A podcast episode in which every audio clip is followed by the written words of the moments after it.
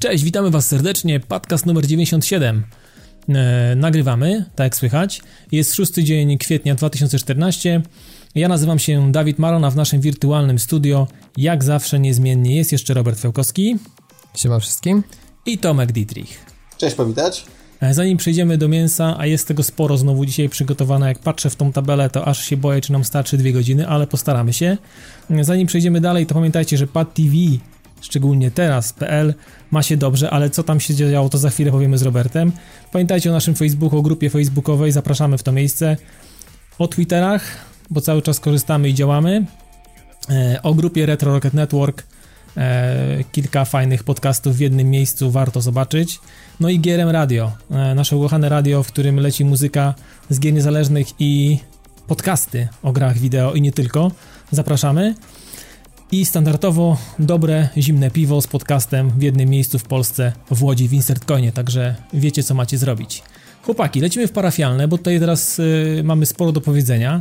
Może, Robercie, zaczniemy od tego, tego najważniejszego, nad czym pracowaliśmy e, tak mocno Długie i tak godziny długo, ostatnio. i godziny, tak, przez kilka ostatnich ty- tygodni, przynajmniej kilka ładnych godzin e, w tygodniu. Mamy odświeżoną stronę, jakby ktoś nie był jeszcze, to niech sobie wejdzie i zobaczy. Mm, Stwierdziliśmy, że e, to się, to się, znaczy efektem tego jest, e, znaczy to jest, to zbiegło się na to kilka, kilka rzeczy, bo mm, raz, że mm, problem odświeżenia grafik, no szedł z, od dłuższego czasu, gdzieś tam za nami, za nami szedł i, i gdzieś tam z tyłu głowy był, był, był i w końcu Vincent, któremu ogromnie dziękujemy, znalazł dla nas trochę czasu i to, co zrobił, no to tutaj nie trzeba się specjalnie chyba, nie wiem, no no widać, to jest naprawdę praca z Klasa, wysokiej jeśli chodzi półki. tak, zrobił nam nowe Tak, główki tak, i w końcu tak. Tomek ma też główkę dzięki temu, bo tak, tak już... Wcześniej była zastępcza. Wcześniej no, była wersja, wersja dla Delikatnie biednych. mówiąc, wersja robocza, a Wersja czasem tak jest, że prowizorka na długo wystarcza, e, więc stwierdziliśmy, że akurat nam się fajnie temat napotoczył, podobny do tego poprzedniego e, w internecie, w związku z czym stwierdziliśmy, że jak już i tak robimy zmianę z grafikami, to pójdziemy krok dalej i odświeżymy sobie też stronę. No i po prostu dostosowaliśmy tą skórkę do tego, żeby wyglądała tak mniej więcej jak nasza poprzednia, a przy okazji, że jest nowocześniejsza, no to ten taki wy- wyszedł nam lifting w sumie tego, co było wcześniej. Tak, jakiś taki, nie jakaś rewolucja, tylko taki ma, mały ewolucyjny krok plus, plus te grafiki i teraz jest to wszystko fajnie, spójne no i mamy jakby nie patrzeć, Robert, w końcu kontrolę nad wszystkim tak naprawdę. Jeżeli byśmy chcieli coś stworzyć, y, jakąkolwiek grafikę czy cokolwiek, no to można powiedzieć, że już jesteśmy niezależni. Możemy sobie robić, co nam się podoba i, i jak nam się podoba, prawda? Także to, to było dla nas najważniejsze, żeby móc tworzyć y, to, co nam jest potrzebne, bez żadnych... y, bez żadnych zewnętrznych jakby ogniw, nie? Żeby nie czekać na coś od kogoś, prawda? Także, także Dokładnie to tak. było najważniejsze. Mm, E, tak, i jeszcze z takich dal- dalszych nowości. No. Ym, Po pierwsze też mamy tajemniczego autora, który zaczyna pisać teksty. Jest już jeden, e, także zapraszamy na naszą stronę. Drugi pojawi się w środę, to już, to już wiem na pewno. E, Natomiast jeśli chodzi o takie techniczne zmiany, mm, które szykujemy, to w związku chociażby z e, wpisami w podcaście, bo to dla nas zostaje najważniejsze, chcemy, mm, żebyście łatwiej mogli dotrzeć do tego, o czym mówimy. Czasami wi- wiemy, że podcasty się słucha w różnych miejscach, robiąc różne dziwne rzeczy czasami. I kwestia jest taka, aby e, móc sobie wrócić łatwo do tego bez konieczności, nie wiem, powtórnego mm, przesłuchiwania, wyszukiwania w Google'ach, czegokolwiek. Więc do takich rzeczy, które nie są oczywiste, jakoś tak, o których nie ma wszędzie w internecie, to jak o nich będziemy omawiać, to w rozpisce pod, pod tym, co mamy w odcinku, będą także przydatne linki do jakichś Kickstarterów, do strony głównej producenta, jakieś takie typu, tego typu rzeczy. To dla waszego ułatwienia, to nie są żadne linki sponsorowane, po prostu, żeby było łatwiej. Tak, generalnie źródła, skąd, skąd braliśmy jakąś informację i skąd po prostu było to omawiane. Czasami może być tak, że będziemy się powoływać ewentualnie na jakiś tweet, tweet czy jakąś taką informację z jakiegoś innego miejsca, no i trudno będzie to linkować, ale to zawsze będzie napisane skąd to zostało wzięte, chociażby i jakaś informacja, gdzie to zostało gdzieś tam złapane, więc, bo nie, nie zawsze wszystko da się linkować, no ale postaramy się, No, żeby dokładnie. zawsze się dało, jakoś, jakoś gdzieś Głównie to... chodzi właśnie też o gry, Tak, e, że, żeby, na, bo czasami nam mówiliście, że, że za rzadko powtarzamy jakiś tytuł i potem jest ciężko to znaleźć, więc e, to też powinno się wyświetlać w waszych aplikacjach do podcastów, natomiast e, one czasami różnie interpretują kod HTML, więc e, w razie czego to zawsze będzie działająca wersja na blogu, ale w niektórych aplikacjach może to też fajnie działać nawet już właśnie w aplikacji do podcastów. Także e, tyle od nas i jeszcze kwestia komentarzy. Mhm. Postanowiliśmy, że takie e, najciekawsze komentarze, które w jakiś sposób się wyróżniają, to jeszcze dodatkowo będziemy wyróżniać. Teraz Discuss nam daje taką możliwość i one w swojej pełnej formie będą wyświetlane pod danym wpisem.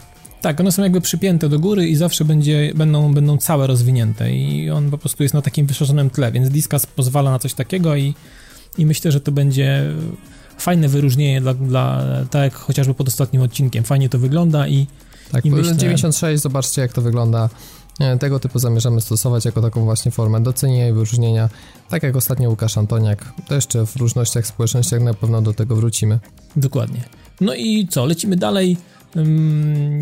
Mówiliśmy w zeszłym tygodniu o tym, że mm, pogradajmy 9 kwietnia się szykuje. To, to jest już ten, ten tydzień, ta środa, e, ale w momencie, kiedy podcast już nagraliśmy, kilka dni później, bodajże wtorek czy środa, wyszła jeszcze jedna ciekawa rzecz. Okazuje się, że Insert Coin, w którym mówiliśmy cały czas, e, co jakiś czas mówimy w tym odcinku i mówimy o tym piwie e, pysznym i tak dalej, i że tam leci podcast do tego piwa, e, no to, no to akurat okazuje się, że znalazła się grupa ludzi z Łodzi, którzy będą jako piąte miasto, już można powiedzieć, pogradajmy, będą organizować to właśnie w Insertcoinie w Łodzi, więc jeżeli ktoś jest z Łodzi, ktoś nas słucha albo jest z okolic, to pogradajmy trafiło do Łodzi, więc kolejne miasto, to już jest piąte, przypominam, Mamy tak, Warszawa, Katowice, Kraków, Bydgoszcz i teraz, i teraz Łódź, więc jest tych miast już pięć no nic, czekać, no mm, idzie, idzie to naprawdę bardzo szybko tak, i, potem i mocno. Sosnowiec, Radom i może dopiero Trójmiasto. nie, może jeszcze jakieś Zakopane się znajdzie, nie wiem, no to wszystko... Może by... za granicę, a tak a propos, może. jeśli słuchają nas organizatorzy, to myślę, że spokojnie można było też z taką inicjatywą pójść za granicę i jako takie e, spotkania dla graczy, którzy mieszkają za granicami naszego kraju, myślę, że też spokojna inicjatywa by była. Może, może się... Jak ktoś się czuje na siłach, to pewnie myślę, że ludzie odpowiedzialni za pogradajmy są otwarci na takie propozycje, więc śmiało się zgłaszać. Jasne, jasne. E, to dobra, to tyle, jeżeli chodzi, chodzi o pogradajmy. E, I teraz jeszcze jedna rzecz. Standardowo GRM e, raczy nas kodami na, na gry. No i mamy tych kodów trochę od nich i w tym odcinku rozdamy kolejne, kolejne dwa kody. E, są to oczywiście kody Steamowe. I pierwsza gra, która no podoba nam się nawet, nawet, nawet, nawet, nawet, mimo tego, że jest jeszcze w, w tej wczesnej, wczesnej wersji dostępowej, to jest e, Running with, with Rifles. E, stwierdziliśmy, to w sumie to Tomek tak podpowiedział, że taki ma soldatowy, soldatowy styl i taką stylistykę i taki design. No i prezent... Tylko, że z góry widoczne. Tak, prezentuje się całkiem zaśnie, zacnie i mm, druga rzecz to jest Rose Tail, także jeżeli ktoś e, lubi mocny pixel art, taki mocno oldschoolowy, no to myślę, że ten rogalik powinien go zadowolić. E, myślę, że no wygląda, wygląda mocno, mocno, mocno oldschoolowo, ale myślę, że ma w sobie jakąś, jakiś klimat i, i, i można posiedzieć w temacie. No i na koniec e, w parafialnych króciutko jeszcze mm, podsumujemy sobie z chłopakami na koniec e, sondę za marzec, bo pytaliśmy was o to mm, na premierę marcową, na co się rzucicie. No i tutaj 36 głosów, 24% ze 152 głosujących padło na Infamous Second Sun, więc e, tutaj widać, że gra mocno się działa w świadomości graczy i, i naszych Tak, no ja strasznie żałuję, że, nie, że jeszcze nie ograłem, ale no mam nadzieję, że tak jak Killzone szybko stanie i będę mógł się rzucić, bo no, słyszałem, że nawet osoby, które tak niespecjalnie przepadają za Infamousem, to jednak ta wersja jest jakoś tak najbardziej strawiana. Ja przyznam, że do, do się odbijam od, od poprzedniczek, ale jestem dobrej myśli. No ja no, słyszałem właśnie... za dużo gier teraz nie ma, więc nie ma Jasne. co wybrzydzać. Ja słyszałem, że właśnie to jest taka mocno dopicowana dwójka, naprawdę z fajnymi efektami, taka po prostu jest rozpierducha i generalnie dużo się dzieje. No I, I to tyle, można tak powiedzieć. Tak, takie słyszałem kilka no Mam nadzieję, że ten, że będziemy mogli za jakiś czas wam jeszcze wrócić do tej gry i opowiedzieć nasze wrażenia. Jasne, to 24%, 36 głosów. Kolejne miejsce Diablo 3 i słynny gwałciciel 21%, 32 2 głosy, więc też bardzo wysoko. E, I my... Tutaj ciekawostka no. mała, sorry, że tak się, Jasne, się wetnę. E, dodatku już się rozeszło na świecie ponad 3 tak, miliony. Tak, tak, tak. Co też jest ciekawe, bo kiedy wyszło Diablo 3, ludzie strasznie na to psioczyli a jednak są chętni, żeby ponownie Blizzardowi zaufać, więc... Sam jestem chętny i sam bym Podobnie zaufał. tak samo było, wiesz, jak czyli, że dzielą StarCrafta na trzy kampanie, a też się ludzie, wiesz, rzucali spokojnie na tak. obie części, które już wyszły, nie? Wiecie, to zawsze tak jest, taki mały, podnosi się taki kurz, opada to wszystko i standardowo, i sytuacja wraca nas w odpowiednie tory, więc myślę, że do, do tego się już trzeba przyzwyczaić. Kol kolejna rzecz, no to kijek prawdy. 18%, 28 głosujących, więc, yy, więc no trochę było, trzecie miejsce, no wysoko, wysoko. A zaraz pod spodem Titanfall, czyli 14% i 22 głosy oddane na tę grę. Też sporo, sporo. No zresztą Robert, Robert się, można powiedzieć, załapał i, i pewnie, pewnie też głosowałeś. Czasami, I tak. też głosowałeś na pewno Titanfalla. Tak. Mm, e, nisko, bym powiedział, jak na, ta, na, na tą ilość gier Dark Souls 2. Nie wiem dlaczego. Co, bo tak. głośno jest o tym, bo bardzo oddany fanbase. No e, możliwe. Tutaj mamy 10% głosów, natomiast no, no, sporo, sporo tam ludzie o tej grze pisali. Wydaje mi się, że to też dlatego, że jak się jest już fanem tej gry, to, to na maksa, a po prostu no, nie jest ona dla każdego, wiadomo. Taki jest też sens i założenie twórców. Jasne. No i e, na miejscu kolejnym, przedostatnim, e, pierwsze płatne demo w tym roku, czyli MGS 5 Ground Zeroes, 9%, 14 głosów, no tylko i wyłącznie dla fanów, mocnych fanów, zagorzałych, takich fanatyków bym powiedział nawet, e, za te pieniądze przede wszystkim i na końcu, co mnie bardzo mocno smuci i też, też, też. Po, pokazuje, że ten rynek gier wideo już nie jest taki jak kiedyś, jak ja go pamiętam 15 czy tam 20 lat temu. I... Nie jest to już wiodący gatunek na tak, pewno, tak. który pokazuje Age of Wonders Age of 3, Wonders bo 3, o tej grze mowa. 5 tak. głosów, raptem 4% y, z całej puli głosujących. Mimo tego czytałem i czytuję co jakiś czas, wpadają jakieś informacje, że naprawdę to jest zacna produkcja i to naprawdę jest y, kawał dobrej giery, więc no, jakby nie patrzeć. Ja wiem, że trochę naszych, naszych słuchaczy też są, też są stricte może konsolowi ludzie i konsolowi gracze, więc myślę, że to też się do tego trochę przyczyniło. Natomiast jakby nie patrzeć, no widać, że Age of Wonders mm, jest daleko w tyle za tymi mocnymi takimi produkcjami e, mainstreamowymi, które, które gdzieś tam się przewijają. No dobra, chłopaki, teraz idźmy do tego, co, co nas tak mocno urzekło już praktycznie zaraz po, po tym, jak, jak się odcinek pojawił, bo to chyba ten komentarz wpadł bardzo szybko. Różności społeczności i Łukasz Antoniak, z tego co pamiętam, już któryś raz wpada z bardzo fajnym komentarzem. No i chłopaki, co wy na ten komentarz? Bo wiem, że też się zachwyciliście tym, co napisał, że zachwyciliście. No stwierdziliśmy chyba jednogłośnie, że, że lepiej de- tego się nie dało wszystkiego, wszystkiego ująć, e, tak, tak jak znaczy... zrobił to Łukasz, nie? Wiesz, przede wszystkim e, to jest tak naprawdę, nie, nie nazwałbym tego nawet komentarzem, tylko taki mini artykuł.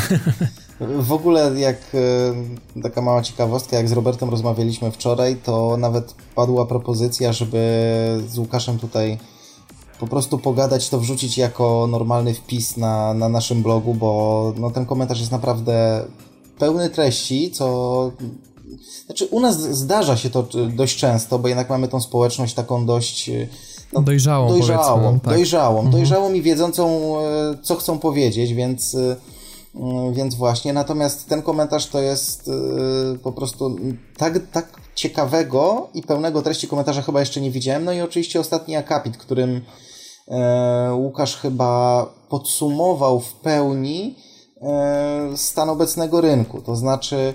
To porównanie mm, do filmu, tak? O tym mówisz, o, te, o, tej, o tej filmowości, do, tak?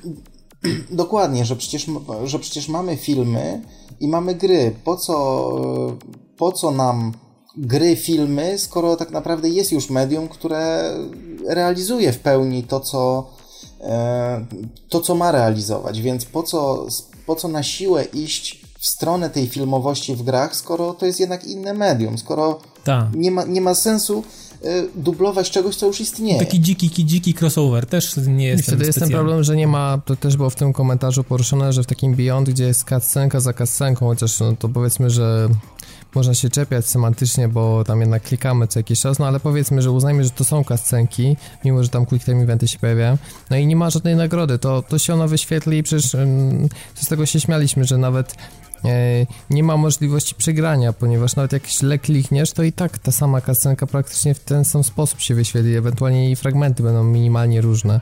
Mhm. I to jest problem, że nie ma jakiejś takiej nagrody, bo rzeczywiście e, też jakby mm, e, zostało to zwrócone uwagę w tym komentarzu i też do mnie to doszło, że coraz mniej się w grach cieszę, jak widzę kascenkę. Jakoś tak to stało się takie rzeczywiście powszednie, takie mm, naturalne. Tak, takie trochę oklepane, dokładnie. Pamiętam, jak, że, że, kiedyś to była jakaś nagroda za przejście trudnego levelu, e, chociażby czy zakończenie fajnie zrobione, czy prolog, który ma dobrze nas nastroić klimatycznie do gry.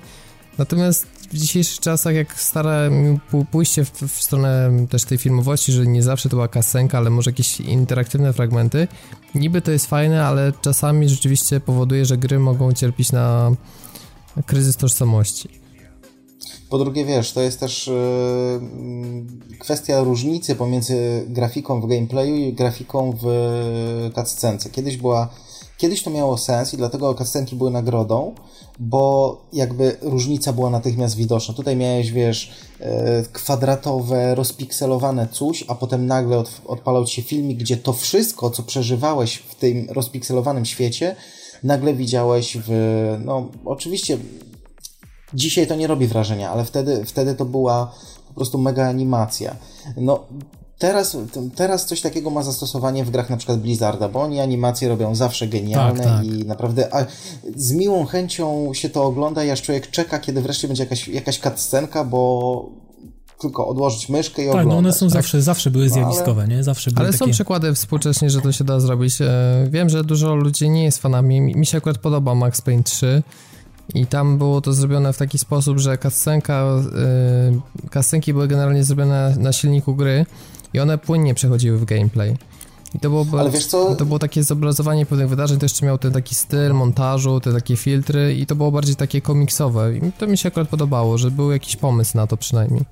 No ja w Max Payne na chwilę pograłem i się odbiłem, dlatego że tam tych cutscenek było takie zatrzęsienie, że ja w pewnym momencie miałem wrażenie, że to jest film przerywany czasami elementami interaktywnymi. Wiesz co, bo tam był problem, że na początku chcieli mocno zarysować fabułę i trochę to Y, nie, niezbyt dobrze zbalansowali, w sensie, że na pierwszą godzinę gry to tak jakby rzeczywiście ma się wrażenie, że pół godziny to jest scena, ale z drugiej strony wiesz, y, jest cała masa ludzi jakby teraz zaprzeczając wszystkiemu, co powiedzieliśmy przez ostatnie 5 minut, którzy zachwycają się Metal Gear Solidem, gdzie kasenki potrafią trwać i 40 minut.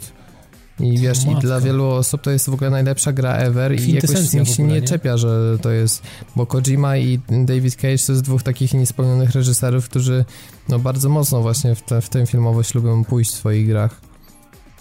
Nie, bo są takie gry, które rzeczywiście to dobrze wiesz, realizują. Niekoniecznie im to też dobrze które... wychodzi, nie? Ale to już jakby jest inna większość, nie? Znaczy wiesz, dla, jak ktoś to lubi, no to mu super podejdzie. Jak ktoś jest mega przeciwnikiem właśnie długich cutscenek, no to go powie, że to jest nudne, bo on musi grać, bo jakby chciał obejrzeć film, to by, to by obejrzał film po prostu. Racja, racja, racja, racja. Ale to jest też, mi, wydaje mi się, że podsumowując trochę ten temat, który jest zeszłego tygodnia i jeszcze ten komentarz, że no, mimo wszystko to zależy od jakichś preferencji indywidualnych i każdy będzie miał inną tolerancję na tego, ile jest tej filmowości w grach, a ile tej gry strict, sensu stricte i po prostu muszą być gry, które powiedzmy...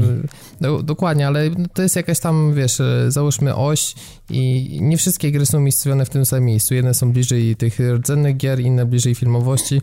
No i ta różnorodność, żeby była podtrzymana jeszcze różnymi innymi pomysłami, a nie tylko powielaniem tych samych schematów, no to będzie dobrze po prostu, żeby każdy mógł coś dla siebie znaleźć i wtedy będzie najlepiej. Jasne. Dokładnie. Tu jeszcze komentarz Mafia Mixa, to... Tomek, załapał się jeszcze Mafia tak, Mix. Dokładnie. To w sumie jakby rozwinięcie to... trochę tego, co powiedział Łukasz pewnie, nie? Bo pewnie o to chodzi.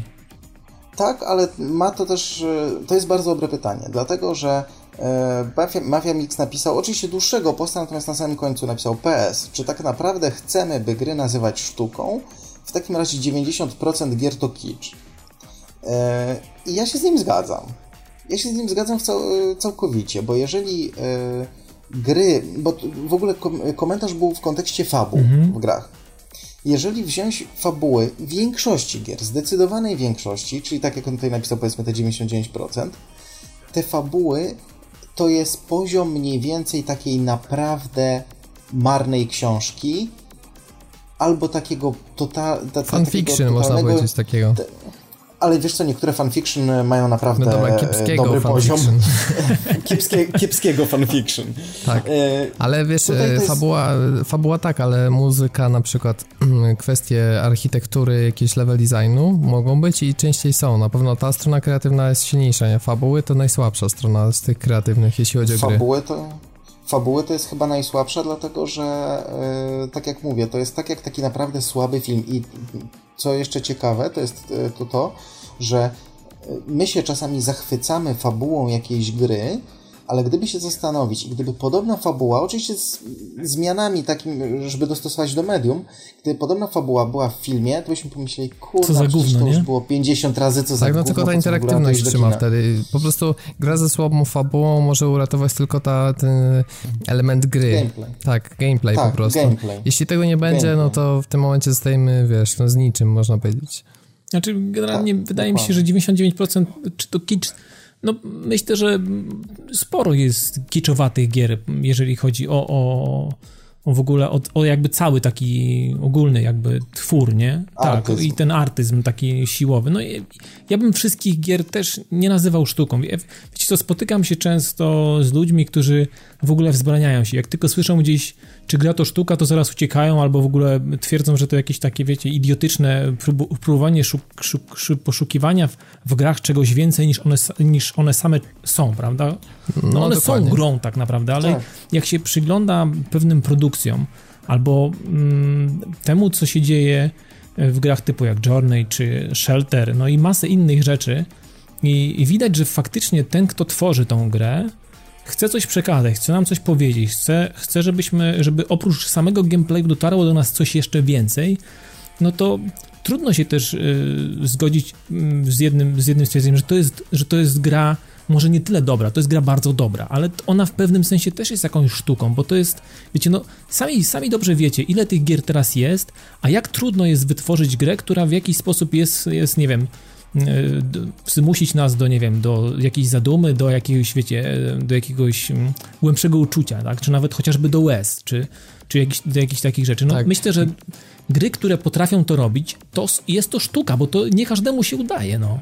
A ja bym postawił no mimo wszystko tutaj chamsko kropkę, ponieważ dokładnie to, co mówiłeś, mówiłeś w 37 odcinku podcastu i tam dyskutujemy o tym ponad pół godziny, mhm. więc jeśli ktoś by chciał poznać nasze zdanie na ten temat, to pamiętam, że o Journey też żeśmy sporo wtedy mówili, to 37 podcast. Ale nie było wtedy Shelter temat. jeszcze, a Shelter mnie strasznie, no można powiedzieć poszarpało mnie strasznie Zmiód. po grze. Jeszcze Tomek, bo coś chciałeś trzy słowa, tylko bez ciągnięcia już tego tematu mhm. za bardzo. Znaczy wiesz, ja chciałem, ja chciałem powiedzieć e, w zasadzie tylko tyle, że e, sztu, znaczy tak, sztuka, e, ja, ja bym w ogóle nie nazywał tego tak, że albo gry są sztuką, albo gry nie są sztuką, tylko że w grach może być jakiś pierwiastek sztuki, a czy on jest większy czy mniejszy, to zależy No to widzę, że się tak, zgadzasz tak. z tym słowem, bo w, w tamtym właśnie podcaście dokładnie tak powiedziałem, że elementy składowe mogą być sztuką, ale gra jako całość niekoniecznie. No, no i no, dobra, to lecimy dalej. Temat tygodnia. Dalej. Temat tygodnia. Reżyser gier wideo, tak napisałeś Robert w tabelce. Tak, to jest takie trochę uproszczenie, natomiast wiemy, że taki ktoś nie istnieje. Pytanie jest takie, e, ponieważ ostatnio strasznie dużo mam wrażenie wywołuje dyskusja, jakaś informacja, czy w zasadzie seria informacji o tym, że ktoś opuszcza studio, e, ktoś przychodzi z jakiejś konkurencji, czy zakłada własne studio gier niezależnych, co ostatnio szczególnie popularne czy chociażby tak jak e, scenarzystka serii Uncharted, która teraz przeszła do Visceral Games, e, sprawować pieczę nad projektem w uniwersum Gwiezdnych Wojen. I tworzy się wokół tego taka niesamowita dyskusja i też taka nadzieja często jest podparta tym, że jedna osoba jest w stanie bardzo znacząco wpłynąć na, na projekt gry. I, takie I na powodzenie tego projektu w ogóle, nie? Dokładnie. I teraz takie pytanie i taka, tak w sumie taka myśl we mnie się wytworzyła, czy my gracze, ogólnie patrząc, trochę uogólniając, nie przesadzamy e, z, czy nie przeceniamy roli pojedynczego człowieka w tak ogromnych projektach, jakim jest tworzenie gier. Wiadomo, na razie skupiajmy się w dyskusji może na tych większych projektach, no bo do tych jak kiedyś były tworzone gry, czy jak są tworzone gry indie, to jeszcze pewnie przejdziemy, bo różnice są oczywiste, ale przy takich dużych projektach, to jak myślicie, czy nie jest trochę jednak taka przesada, że w tej machinie korpo, bo najczęściej to to jest tworzenie tych dużych gier, przecenia się rolę pojedynczych ludzi, kimkolwiek by oni nie byli, jakie stanowiska by nie piastowali? Wiesz co, moim zdaniem za bardzo, to, to znaczy dałeś jedno ograniczenie, które troszkę, troszkę nas stopuje, dlatego że owszem, tak jest, że rzeczywiście przecenia się moim zdaniem tą, tą rolę, natomiast to wszystko wynika z przeszłości. Bo kiedyś było tak, że albo byli pojedynczy ludzie, którzy tworzyli gry, ale to już jest w ogóle zamieszkła bardzo przeszłość, po czym byli ludzie, którzy, tak jak na przykład, nie wiem, dawny id Software, ale dawne, dawne id Software, za czasów, nie wiem, Duma, Quake'a i tak dalej, kiedy, gdzie były osoby, yy, które, które zarządzały tym wszystkim i byli podrzędni pracownicy. Jak się mówiło na przykład, nie wiem, o id Software, to się mówiło o Karmaku. To, że tam no i o Romero. Jacyś... O, i jeszcze pan... I o Romero, i o Romero ale Romero tak. później odszedł, tak, więc tak, to, tak. to ten. Natomiast y, na początku to, to byli oni. A to, że ktoś tam jeszcze byli, jakiś, nie wiem, sztab grafików, jakichś programistów, jakiś coś, to nie miało znaczenia, bo oni wszystko robili praktycznie pod dyktando tych konkretnych ludzi. Y, I wydaje mi się, że to na tyle długo funkcjonowało, że po prostu my dotąd często mamy tako, takie wrażenie, że ci ludzie są rzeczywiście dalej na czele tych projektów, a oni często są tylko i wyłącznie, znaczy, może nie, nie tylko i wyłącznie, ale głównie takimi medialnymi twarzami tych projektów. To prosty przykład, Gears of War i, i Cliffy B, tak, który świetnie się, owszem, on stosunkowo ważną rolę pełnił w Epiku, w Epiku i e, no Ale jest, był frontmanem całości, prawda? To było e, też tak, ważne. On, on, ta seria Gears of War to w sumie on sprawiał nad nią pieczę, natomiast e, Kwestia jest taka, że świetnie się wpisał w ten taki trend bycia frontmanem medialnym, PR-owo-marketingowym. I dzięki temu wszyscy jego kojarzyli, on się pojawiał na eventach, spotykał się z mediami, tworzył, też tweetował o tym, robił fajne zdjęcia na Instagrama i tak dalej, i tak dalej.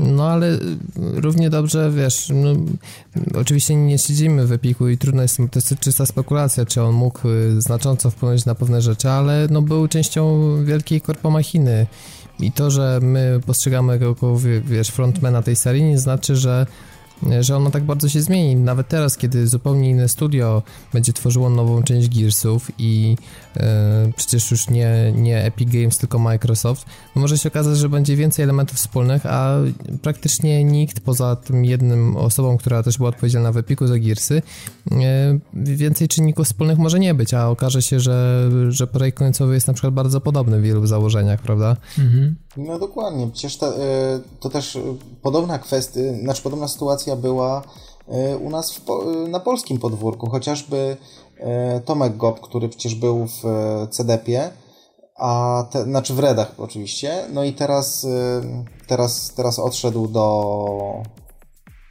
Kurna, gdzie on odszedł? Do City Interactive. Do City Interactive. Ten projekt z tym niemieckim studiem, które... Mm, Lords of no, Shadow.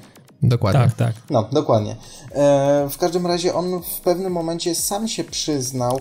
Lords of the Fallen, bo przecież... Lords, Lords of the Fallen, nie Lords of Shadow. Lords of Shadow to była Castlevania. Jakaś zaćma mnie dzisiaj złapała. E, w każdym razie on potem sam się sam przyznał, że jeśli chodzi na przykład o Wiedźmina dwójkę, to on e, jakby nie, nie nakładał kierunku, w którym ta gra powinna iść. On był bardziej koordynował działania, działania pozostałych ludzi, bardziej nadzorował, żeby ten projekt po prostu miał jakąś tam spójną całość, żeby, e, żeby dobrze działał. Natomiast e, no, to nie było tak, że to jest gra Tomka Gopa. To była. No tak, on, no oczywiście. Natomiast, natomiast wśród graczy często się w ten sposób mówiło. Ale tak jeszcze wracając, wracając do Cliffiego chociażby, to Teraz osoby decyzyjne są zdecydowanie wyżej. Ci, ci ludzie najczęściej e, jakby no z tego, z tego co przynajmniej wiadomo, muszą w pewien sposób wykonywać polecenia z góry, tak? Oni nie mogą powiedzieć tak jak kiedyś, że słuchajcie, od dzisiaj, nie wiem, gra przestaje być shooterem, a będzie, nie wiem, skradanką bo oni muszą mieć klepnięte na 15 poziomach wyżej jeszcze, że zgadza się marketing, że zgadza się, nie wiem, prezes firmy, że zgadza się ten, tamten, siamten, wamten. E, więc wydaje mi się, że ich wpływ jest znacznie mniejszy. Mm, no i jeszcze tak właśnie co do mm, co do, co do Epika e, i tego, że właśnie, że Cliff, że mm, Cliffy był taką twarzą tych, tych serii, znaczy wcześniej Unreal'a, potem, potem Gearsów, to jest też całkiem ciekawa pozycja, dlatego że jeżeli, tak naprawdę tego typu rzeczy powinien, za tego typu rzeczy powinien odpowiadać PR-owiec, tak naprawdę. Tak, ale, ale, przez to, że on był twórcą, był bardziej wiarygodny. Wiarygodny, dokładnie, więc y, to, była, to było takie win-win dla obu, dla obu stron, i dla firmy, i dla niego. Nie no, zgadza się. Wiecie co, ja, ja na przykład y, jak się obserwuje chociażby nasze podwórko, tutaj mówiłeś y, Tomek Gop i tak dalej, ale przecież jest i Adrian Chmielarz, i jest Studio Moakiu, gdzie jest Tomek Grochowiak i z reguły mm, jest tak, że czy to jest studio małe, czy to jest większe, zawsze jest to jakaś osoba, którą się kojarzy z daną produkcją albo z, dan z danym w ogóle studiem. Im mniejsze, tym, tym łatwiej to zrobić, prawda? Bo tam jest tych osób 5, 6 do 10 max. I, I wtedy tego lidera i tego, tego, który gdzieś tam zawsze świeci, w świadomości, nie wiem, czy, czy graczy, czy gdzieś tam się go widuje na jakichś panelach, czy na, występuje na jakichś, e, wiecie, pyrkonach i innych takich eventach, no to gdzieś tam zawsze jakaś osoba się przebija do tej naszej świadomości. I wydaje mi się, że w tych, w tych dużych rzeczach, tak jak już to zresztą powiedzieliście, to nie będę się specjalnie powtarzał, ale wydaje mi się, że nawet jestem przekonany o tym, że prze, prze, przepchanie jakiegokolwiek y, tematu, no raz, że wydłuża się bardzo mocno, to jest y, rozciągnięte zawsze w czasie, a dwa, że musimy też wiedzieć jedną rzecz, że, że nawet jeżeli mm, te, te, elementy odpowiedzialne za, za potem już ca, cały, całościowy wygląd gry, gdzieś tam ktoś na dole za coś odpowiada, jest jakimś animatorem, jakimś grafikiem, muzykiem, to, to, mm, to też trzeba wiedzieć, że nawet jeżeli on ma jakieś, nie wiem, wizję tego, jakby chciał, żeby to było w grze, to i tak nad tym wszystkim piecze gdzieś tam ma jakiś producent, jakiś y, dyrektor artystyczny, który spiera, spi, spina to wszystko i chce, żeby to mniej więcej mm, było tak, jak on sobie to założył, bo jemu się bardziej ufa. On w postaci programistów, muzyków y, i tak dalej, grafików, animatorów, to są jego narzędzia, którymi on po prostu ma wykonać tą pracę. Natomiast wydaje mi się, że przy tak dużych machinach ciężko, to już powtarzaliśmy kiedyś wielokrotnie, ciężko przebić się z, jakimś, mm, z jakimś wyjątkowym talentem tym ludziom, którzy gdzieś nad czymś tym, nad tymi elementami składowymi pracują. I albo prostu... się rozbijają o ten mur opłacalności, prawda? Albo Może tak, być, albo e, tak. E, albo osoba, która ma jakiś... świetny pomysł, mm. umie to wykonać, ale u góry krawaciarze powiedzą, że tak, sorry, ale tak. to się nie opłaca, wy nie, nie możecie zrobić ciekawych trzech rodzajów amunicji w Dead Space 3, tylko musicie zrobić jedną, ponieważ my chcemy wprowadzić za to mikropłatności. Tak, tak. Dokładnie. I tu się wszystko rozwala, więc, więc takie namacalne rzeczy i to na przykład jak często przecież um, sam kupujący albo sam fan gry, albo ktoś, kto mnie zamierza kupić, e, jest w stanie wpłynąć na jak ona będzie finalnie wyglądała, to wiadomo, mamy zawsze to w tych mniejszych studiach, w tych takich średnich studiach, w średnich to może też jeszcze tak to nie, ale, ale przede wszystkim w tych indie, no i projekty kickstarterowe, tam jest szansa w jakiś sposób mm, znaczy twórcy też na to liczą, liczą, prawda, bo oni potrzebują tego feedbacku, żeby generalnie tworzyć coś, czego się od nich oczekuje, albo czego, czego oczekuje się od danej produkcji, prawda, więc to, to jest bardzo, bardzo ważne. I myślę, że takie faktyczne przełożenia tego, kim się jest, jak chce, żeby to wyglądało i pozwolić sobie na, nie wiem, jakąś tam nawet odrobinę szaleństwa, albo zrobienie czegoś, jakiegoś eksperymentu, czy pójście jakby dalej, nie za tym, co jest pewne, sprawdzone, ale po prostu zaryzykować, tam jest większa szansa na takie rzeczy.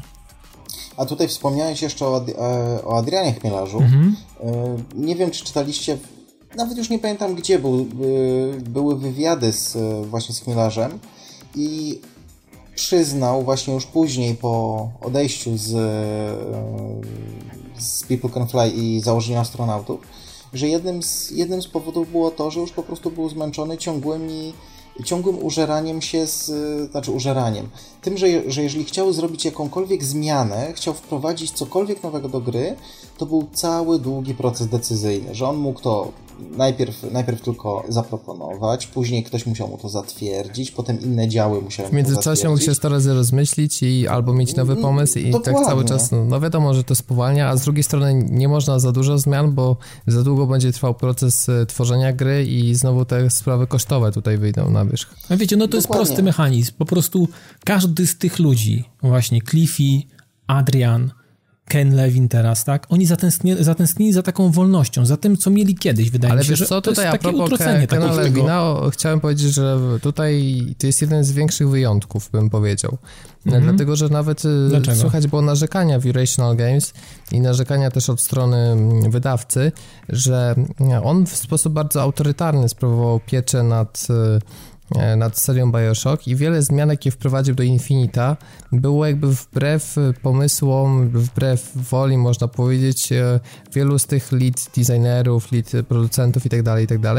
E, I dlatego gra bardzo mocno ewoluowała i się zmieniła. I było, pamiętam, nawet wśród fanów takie, taki trochę podział na, na to, czy, czy te zmiany zostały wprowadzone na plus, czy, czy może ten koncept gry, który był wcześniej pokazany, był lepszy, bo przypominam, że Bioshock był w taki moment, że został znacznie opóźniony, w ogóle nie pojawił się na innych targach E3 i na Gamescomie i ostatecznie chyba z półtora roku zaliczył obsługę tam od tej pierwotnej daty premiery. E, Więc tutaj uważam, że Ken Levin jest najbliższy takiej roli reżysera gier wideo i myślę, że to się jeszcze bardziej umocni, jak będzie w mniejszym studiu, ale miał stosunkowo wolność twórczą i tu akurat był trochę, trochę inny układ, wydaje mi się. Wiesz, może, może akurat tak miał e, spreparowane warunki współpracy, może tak było to stworzone i generalnie mógł być takim, można powiedzieć, pseudodyktatorem i mówić tego, i jak on chce, żeby ta gra wyglądała i nikt mi tutaj nie może powiedzieć, jak ona ma wyglądać, bo, bo to się sprzedaje, albo to powinno się sprzedawać za chwilę. Ja robię grę tak i jeżeli wam to nie, nie pasuje, no to to jest to droga wolna, tam są drzwi. No, ale Może jest, akurat miał ale takie widzimy, warunki. jak rzadko jest taka sytuacja, prawda? A przecież... No, ale widzisz, ale to trzeba się zastanowić, z czego to wynika w takim razie. Może No, on nie pozwoli gry sobie jest wejść na od samego początku. No. biznes. Filmy można powiedzieć też, tylko że z filmami jest to, że nawet jak jest tak w cudzysłowie mówiąc klapa, to, to te kilka milionów dolarów zawsze, no ciężko jest naprawdę zrobić taką totalną klapę finansową, to trzeba się już postarać, bo filmy nawet mało ambitne, to zawsze widz pójdzie albo znana marka, albo fajni superbohaterowie mogą być, albo fajne efekty specjalne, a gra jeśli mm, taki ogólny pójdzie na New Hate i na Metacriticu będą słabe oceny, to może się No okaże, że sprzeda dno, w no 30 jasne. tysiącach egzemplarzy, 50, co oznacza totalny, absolutny krach finansowy tego i po prostu olbrzymie straty. I Nie- może też dlatego wydawcy po prostu nie ufają takim pojedynczym osobom, albo tak jak i my teraz w tej dyskusji, nie wierzą w taką możliwość osób. A trzecia możliwość jest taka, że mało mamy w branży takich osobowości, którzy rzeczywiście są w stanie mocno autorytarnie, na przykład mając pod sobą kilkuset ludzi, wpłynąć na nich tak, żeby ta wizja została rzeczywiście, w, tak jak w ich umyśle, wykonana ostatecznie. Nie wiem, czy to jest, Robert, możliwe fizycznie, czy to jest wykonalne, technicznie przede wszystkim. Żeby, żeby nie wiem, przełożyć na mechanizmy niższego szczebla, nie ubliżając nikomu, ale programistom, grafikom, animatorom, żeby ktoś na górze powiedział od A do Z, jak ma gra wyglądać i zróbcie Ale to tak. Irrational Games się tak rozrosło, że tam było ponad 200 ludzi chyba, więc e, no to, to już jest sporo. No i zobacz, do czego to doprowadziło summa summarum. No oczywiście, no nie, Przeros- kosztowo nie byli w to stanie, no, wszystko, to się- wydawca o, to odciął wiesz. wtyczkę z finansowaniem, no się No. nie dziwię, bo Utrzy- wizerunkowo dla to, wydawcy kurczę, to nawet, było nawet, fajnie mieć Bioshocka, ale no to czy to. oni tak, takie kokosy na nim zarobili, jak na taką znaną markę, którą no praktycznie znając takich, wiesz, świadomych graczy, to prawie wszyscy znają, co to jest Bioshock, No pewnie. nawet jeśli nie grali, to to jest jedna z takich topowych marek, e, która w zeszłej generacji się pojawiła. No, No wiesz, no i- to jest jakby mm, y, kontynuacja System Shocka, więc to, to, jest, to jest wieloletnia tradycja, No można ja bym powiedział, że duchowy spadkobierca trochę O. bardziej niż kontynuacja. No tak, tak, nie? może tak, umówmy się, że faktycznie ten termin duchowy spadkobierca lepiej by pasował faktycznie. Dokładnie, a tak jak jesteśmy już e, przy tych duchowych spadkobiercach, to i wspominałeś wcześniej też o Kickstarterze, to przypomina mi się Tim Schafer. Tim Schafer ostatnio w jakimś wywiadzie powiedział, że on yy, zanim się pojawiła ta kampania Kickstarterowa, to on już w sumie nie zajmował się bezpośrednio procesem twórczym e, w swoim studiu, dlatego że mówił, że na tyle go pochłaniały takie sprawy bieżące związane chociażby z zatrudnieniem ludzi, z stabilnością finansowania, z koordynacją tego, ile projektów naraz tworzą, że nie było po prostu już takiego czasu i dopiero kiedy mm, pojawił się pomysł Broken Age'a i ta kampania Kickstarterowa, no to on jakby ją mocno mm, tak sygnował swoim nazwiskiem, że to będzie jego przygodówka, mm, że Double Fine po prostu stworzy taką klasyczną, odwołującą się do lat 90., no ale to było podparte, że to będzie pod wizją Tima Schafera i on dzięki temu wrócił jakby do, do tego procesu twórczego i można powiedzieć, że tak w cudzysłowie trochę wy, wyreżyserował tę grę Mhm. według jakiejś tam swojej wizji. On jest cwaniak po prostu. E, Natomiast y, mimo wszystko pamiętam, że nawet przy tych poprzednich produkcjach, gdzie jak wyszło nie miał aż tak dużo z tym wspólnego, było mówione, że to jest, wiesz, kolejna przygodówka od Tima Schafera.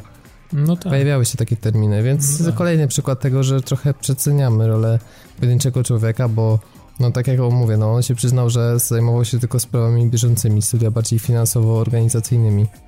Mhm. Wiecie co, zobaczymy przede wszystkim, e, jak teraz więcej tych projektów, tych dużych projektów z Kickstartera wyjdzie, e, na ile rzeczywiście ci ludzie mają, na ile oni mają wpływ na, e, na, całą, na całą produkcję. Czy, czy to, że na przykład, nie wiem, Chris Roberts tworzy Star Citizena, Daj spokój, to, to jest w ogóle dla mnie jakaś bańka, kurczę, nie? to jest, to znaczy, jeżeli ten projekt upa- w jakiś, z jakiegoś powodu upadnie, e, to będzie chyba praktycznie koniec e, To, crowdfundingu. to może być Bo e, to- to- albo to- to- największy sukces w ogóle, najlepsza gra w historii, albo największa klapa w historii. Mam takie wrażenie. Tak, Że tym tutaj bardziej, nie ma jeżeli, postanów pośrednich. tak, tym bardziej, że tutaj jeżeli gra wyjdzie inaczej niż zajebiście, to będzie to klapa. Mhm. Bo nawet jeżeli wyjdzie średnia, albo taka po prostu poprawna, dobra gra, to to i tak będzie klapa, bo ludzie powiedzą za tą kasę? No gdzie? No to... Ja widziałem już wymagania sprzętowe tego pierwszego modułu, który ma się w tym roku pojawić, to jakiś kosmos totalny, nie? 8 No. RAMu już chyba jest, czy nawet 16 i dysk SSD jest jako zalecany, nie? Tak, tak, to też widziałem, że. No ale z drugiej strony, jak widziałem, e, jak ta gra ma wyglądać, to. No, Ja tak się to trochę boję, że trochę jest, w tym jest dzieciwie trochę, trochę te- takiego sprzedawania ludziom jakichś ich własnych marzeń, ich własnych No jest, no ale umówmy się, no, coś takiego, oni boję poszli się, tak że to ambitnie, nie że nie da się już więcej wymyśleć w tym temacie, który, za który oni się zabiorą. To jest takie na takiej zasadzie, że masz jakąś zachciankę, oni mówią, tak, my to mamy. A wiesz co, jestem, jestem bardziej, jestem bliżej skłonny, żeby uwierzyć ludziom od No Man's Sky, że im się faktycznie uda i oni mi dadzą naprawdę to, czego ja potrzebuję, niż y, w Star Citizena. Ale zobaczmy, ja ja jestem myślę, że ciekawy. ryzyko jest podobne, chociaż rzeczywiście w Star Citizen większe. No Man's Sky może, wiesz, mieć, nie wiem, kwestię, że będzie mało tych planet, albo będą e, mniej ciekawe, albo że pomiędzy Tam jest styl, wiesz, będzie... Robert, tam jest styl, ten taki wysmakowany jasne, minimalizm, no, on mnie styl kupuje. jest, ale musi być też ten gameplay, no bo już mówiliśmy Musi, o tym, musi, że... tak. Tak, bo. tak. Tak, po drugie to też e, wydaje mi się, że tych gier nie za bardzo jest co porównywać, dlatego że e, na Star Citizena po tym całym, po tej całej zbiórce, gdzie po prostu co miesiąc mamy, czy tam nawet co dwa tygodnie mamy kolejne, kolejny update, że tam 20 milionów, 30, 40 i tak dalej, i tak dalej, e, wymagania są kolosalne. No Man's Sky wyszło po prostu, wyskoczyło jak, Jak z kapelusza, z no, kapelusza. dokładnie. E, nikt się niczego nie spodziewał. Możliwe, że gdyby te informacje też były dawkowane i e, co, coraz bardziej by mówili o tej grze, to że e, równie, to znaczy, że ludzie tak samo ogromne nadzieje by w tej grze po, e, pokładali, myśleli, że będzie to Bóg wie co i że ryzyko byłoby podobne. Wydaje mi się, że to nawet nie jest kwestia właśnie e, jakości obu gier, tylko raczej e, Podejścia do... wymagań, no, tak, które tak, są. tak, ja wiem, wiem o co ci chodzi. Mhm. Bo, bo jeżeli No Man's Sky się okaże grą po prostu dobrą, to będzie grą dobrą, a jeżeli y, Star Citizen okaże się grą dobrą, to znaczy będzie grą chujową. Tak jest, też tak myślę. No też tak myślę, że prawda. tak będzie, bo Star Citizen sprzedaje nam zupełnie coś innego niż, niż faktycznie może się okazać. Oby nie, oby to faktycznie był, był jakiś Ja przełom mam i kamień minowy. Właśnie, ale to też pokazuje, jak duża rola w kreowaniu gier może być od społeczności. Dlatego, że Tak, przy tak. Kickstarterze jednak ona bardzo mocno działa i, mm, i twórcy rzeczywiście są w stanie wykorzystać ideę, a y, bardzo smutne jest to, jak bagatelizuje się rolę, dlatego że gracze no, naprawdę często mają rewelacyjne pomysły i potrafią zwrócić uwagę na takie elementarne głupoty, które czasami się wydaje, że aż dziwne, że twórcy o tym nie pomyśleli. Ale niestety Ale to- strasznie często się zdarza, że dopiero właśnie jak masowa liczba ludzi w, coś zagra, to, to wychodzi jakiś, nie wiem, straszny taki bubble designerski i dopiero w- pod wpływem społeczności można to zmienić w jakimś patchu na przykład. Tak, ale to wynika w zasadzie z dwóch, z dwóch rzeczy. Pierwsza rzecz jest taka, że e, jednak na górze najczęściej siedzą krawaciarze, czy, czy inwestorami, tymi akcjonary, akcjonariusze to są ludzie, którzy nieraz nie mają bladego pojęcia, to są gry, i po prostu ich, ich interesuje tylko i wyłącznie słupek, ile muszę zapłacić, biznes, ile żeby mu, ile mogę stąd wyjąć, jakie jest ryzyko mhm. i nic więcej. To jest pierwsza sprawa. A druga sprawa, że mimo wszystko to są ogromne korporacje. No ja obecnie pracuję w korpo i widzę, jak długa droga musi przejść, żeby cokolwiek, na, nawet komentarze od ludzi, dotarły od tego najniższego szczebla do góry. To jest po prostu droga przez A co dopiero gracze, którzy już mają finalny produkt w swoich rękach, nie? No więc właśnie, bo w tym momencie twór, znaczy twórców, wydawcy niekoniecznie musi interesować, czy tym graczom się to podoba, czy nie bo im słupki rosną, to są szczęśliwi. Tylko, że to tak? jest myślenie krótkoterminowe. I Oczywiście. zobaczmy, jak Battlefield 4 się sprzedał gorzej, jak jeśli kolejny Battlefield będzie jeszcze miał gorzej i będzie już przed premierą się pojawiać kwestia nie kupujcie, bo może się okazać, że przez pół roku będzie to niegrywalny produkt, to może się okazać, że okej, okay, no, że zarobili nieźle na czwórce, ale na piątce będzie klapa, no. Straty wizerunkowe no, są duże, więc myślę, że oni trochę tak y, mają klapki na oczach i wąskotorowo myślą, tylko tu i teraz. Nie, waż, ważne, żeby w Battlefieldzie był, w, w piątce znowu był rekin. Ale wiecie, wie, wiecie skąd to wynika? Też stąd, że y, marketingowco, y, marketingowiec patrzy na to, jaki będzie wizerunek, finans, gość od finansów, czy tam od, od nie wiem, kosztów i przychodów, e, myśli e, tylko i wyłącznie tymi kategoriami i nie ma tego połączenia między nimi dwoma. To jest problem wielu tylko, korporacji, nie tylko growych. Dokładnie. Oczywiście, oczywiście. Chociażby teraz słyszałem, że w Microsoftie chcą, bo to był straszny problem właśnie Microsoft jedną z największych, że ludzie wręcz się nie lubią z poszczególnych działów i chcą, wiesz, sobie pod górę robić jeden dział firmy drugiemu. E, w związku z czym teraz starają się trochę tak e, zacieśnić współpracę, bo potrafi to być problem. Zresztą, no powiedzmy, tak samo może być nawet wewnątrz kilkuset osobowego studia deweloperskiego. To są tylko ludzie. Może być, wiesz, do tego, znaczy generalnie w takich dużych, no Tomek pracujesz korp, w korpo, ja też spędziłem kilka lat w korpo, więc wiem jak to jest i, i wiesz dobrze też jak, jak wygląda y, sytuacja, o której przed chwilą powiedziałeś i to czasami jest tak, że to nie musi być nawet jakiś specjalnie ktoś daleki albo ktoś z osobnego działu. Tutaj element, mogą wpływać, wiecie, kwestie finansowe, kto ile zarabia, dlaczego ten ma lepiej, dlaczego ten ma gorzej. Wiecie, no takich problemów, które się generuje, się przedstawia nam, że yy, firmy, które tworzą gry, to taka rodzinna atmosfera, że można odejść od biurka, pograć sobie w bilard, można sobie pograć z kumplem ping-ponga, albo można pójść sobie gdzieś tam z kimś, nie wiem, coś porobić, że ta praca jest taka wiesz, jak chcesz, to pracujesz, a mi się wydaje, że do końca tak nie jest. Oni mają swoje deadlines, mają swoje rzeczy do zrobienia. To jest wszystko normalnie myślę, że tam trochę mają poluzowanego tego pasa, wiesz, to tam jest troszeczkę tego więcej luzu, bo jednak y, lepiej się tworzy coś, co, nie wiem, opiera się o przyjemność, tak, o jakiś taki, to ma być przyjemne dla odbiorcy, fajnie się to tworzy, gdy nie trzeba tego tworzyć, gdy ktoś ci stoi nad łbem i ktoś ci tam marudzi, ktoś ci sapie, kiedy, na kiedy, albo na wczoraj to musi być i tak dalej, to jest zupełnie trochę, to inaczej wygląda potem produkt finalny, natomiast jak widać na przypadku, nie wiem, chociażby takiego Dice'a, to obawiam się, że tam nie ma takiej wolności i to jest, że nam się pokazuje te studia, że one są takie zajebiste i takie wolne i że w ogóle tak fajnie jest być y, częścią tej całej, nie wiem, tego całego studia i tak dalej, to nie do końca tak chyba jest, mam takie wrażenie, patrząc na, na, te rzeczy, które od nich wychodzą, o te produkty, które się pojawiają na rynku, wydaje mi się, że to tak słabo z tym jest, z tą taką... Wiesz, bo jak tak... No?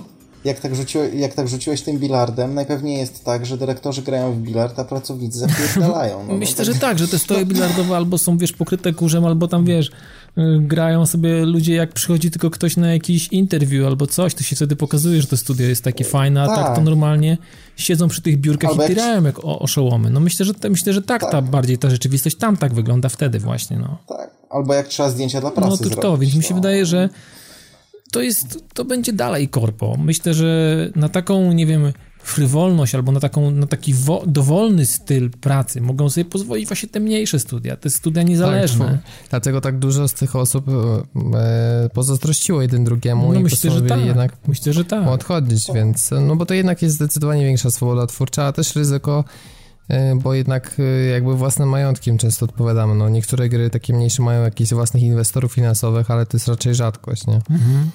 Jednak muszą sobie same po prostu zapewnić byt i y, no przykład prosty, tak jak Chmielarz chociażby robi, tak? On jakieś tam środki udało mu się podczas wieloletniej pracy na tyle zaoszczędzić, że teraz po prostu pakuje finansowo, pakuje w grę i liczy na to, że po, nie wiem, w sumie to będzie chyba dwa lata, czy no, jak, prawie, jak wyda prawie. produkt, mhm. prawie dwa lata ciężkiej pracy, że zbierze tego owoce, nie? Więc to jest bardzo duże ryzyko, no bo mówię, no odpowiadasz swoim majątkiem de facto za no wiesz, a ludzie tam, którzy pracują z nim też jakby potrzebują żyć, potrzebują pewnych pensji, więc to, to no jest wiesz, takie, no, wiesz, no, to jest no, inwestycja. Oni, no. no. oni mają prościej, no bo oni jednak zakładam, że dostają, wiesz, co miesiąc pensję, prawda? Mhm.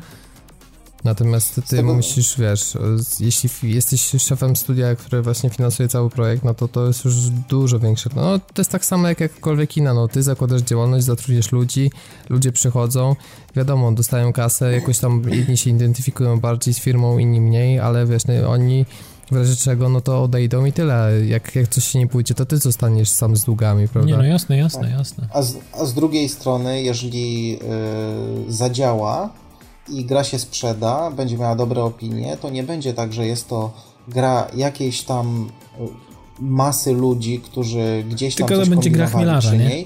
to będzie gra chmielarza. No, ale to wiecie. I poza tym może się sprzedać w 100 tysiącach i będzie super, a taki, wiesz, Tomb Raider musiał się sprzedać prawie, nie wiem, w 6-7 milionach, żeby się zwrócić, więc to jest zasadnicza różnica, nie? Dokładnie. No, zdecydowanie. Dokładnie. Ale wiesz, wracając jeszcze do tych takich stanowisk, do tych to już gadaliśmy trochę przed nagraniem. Wydaje mi się, że to się tak mocno rozmyło i teraz już jest tyle wariacji na temat tego, kto jest designerem, kto jest y, dyrektorem, kto jest kreatywny, kto jest producentem, kto spina poszczególne działy. Wydaje mi się, że na 100% tego, znaczy myślę, że uproszczona wersja, albo taka wersja, która kiedyś działała, na 100% będzie w tych małych studiach. Jest grafik, jest programista, jest animator i, i nie wiem, i jest ktoś, kto jest frontmanem, ktoś, kto mówi o tej naszej grze, tak? Naszej grze mam na myśli tutaj studio malutkie, jest nas pięcioro, i coś tam sobie Wiadomo, robimy, że nie prawda? zatrudniamy wtedy PR-owca czy tak, agencji PR-owej. Tak. Generalnie ale... tak, jest, to jest, jest, to jest, to jest normalnie, to jest, to jest normalny mechanizm. Właśnie, no. no chmielarz też jest takim bardzo mocno za... E, ale widzisz, Adrian taki było od zawsze, tak? studio... tak? Adrian taki no tak. było od zawsze.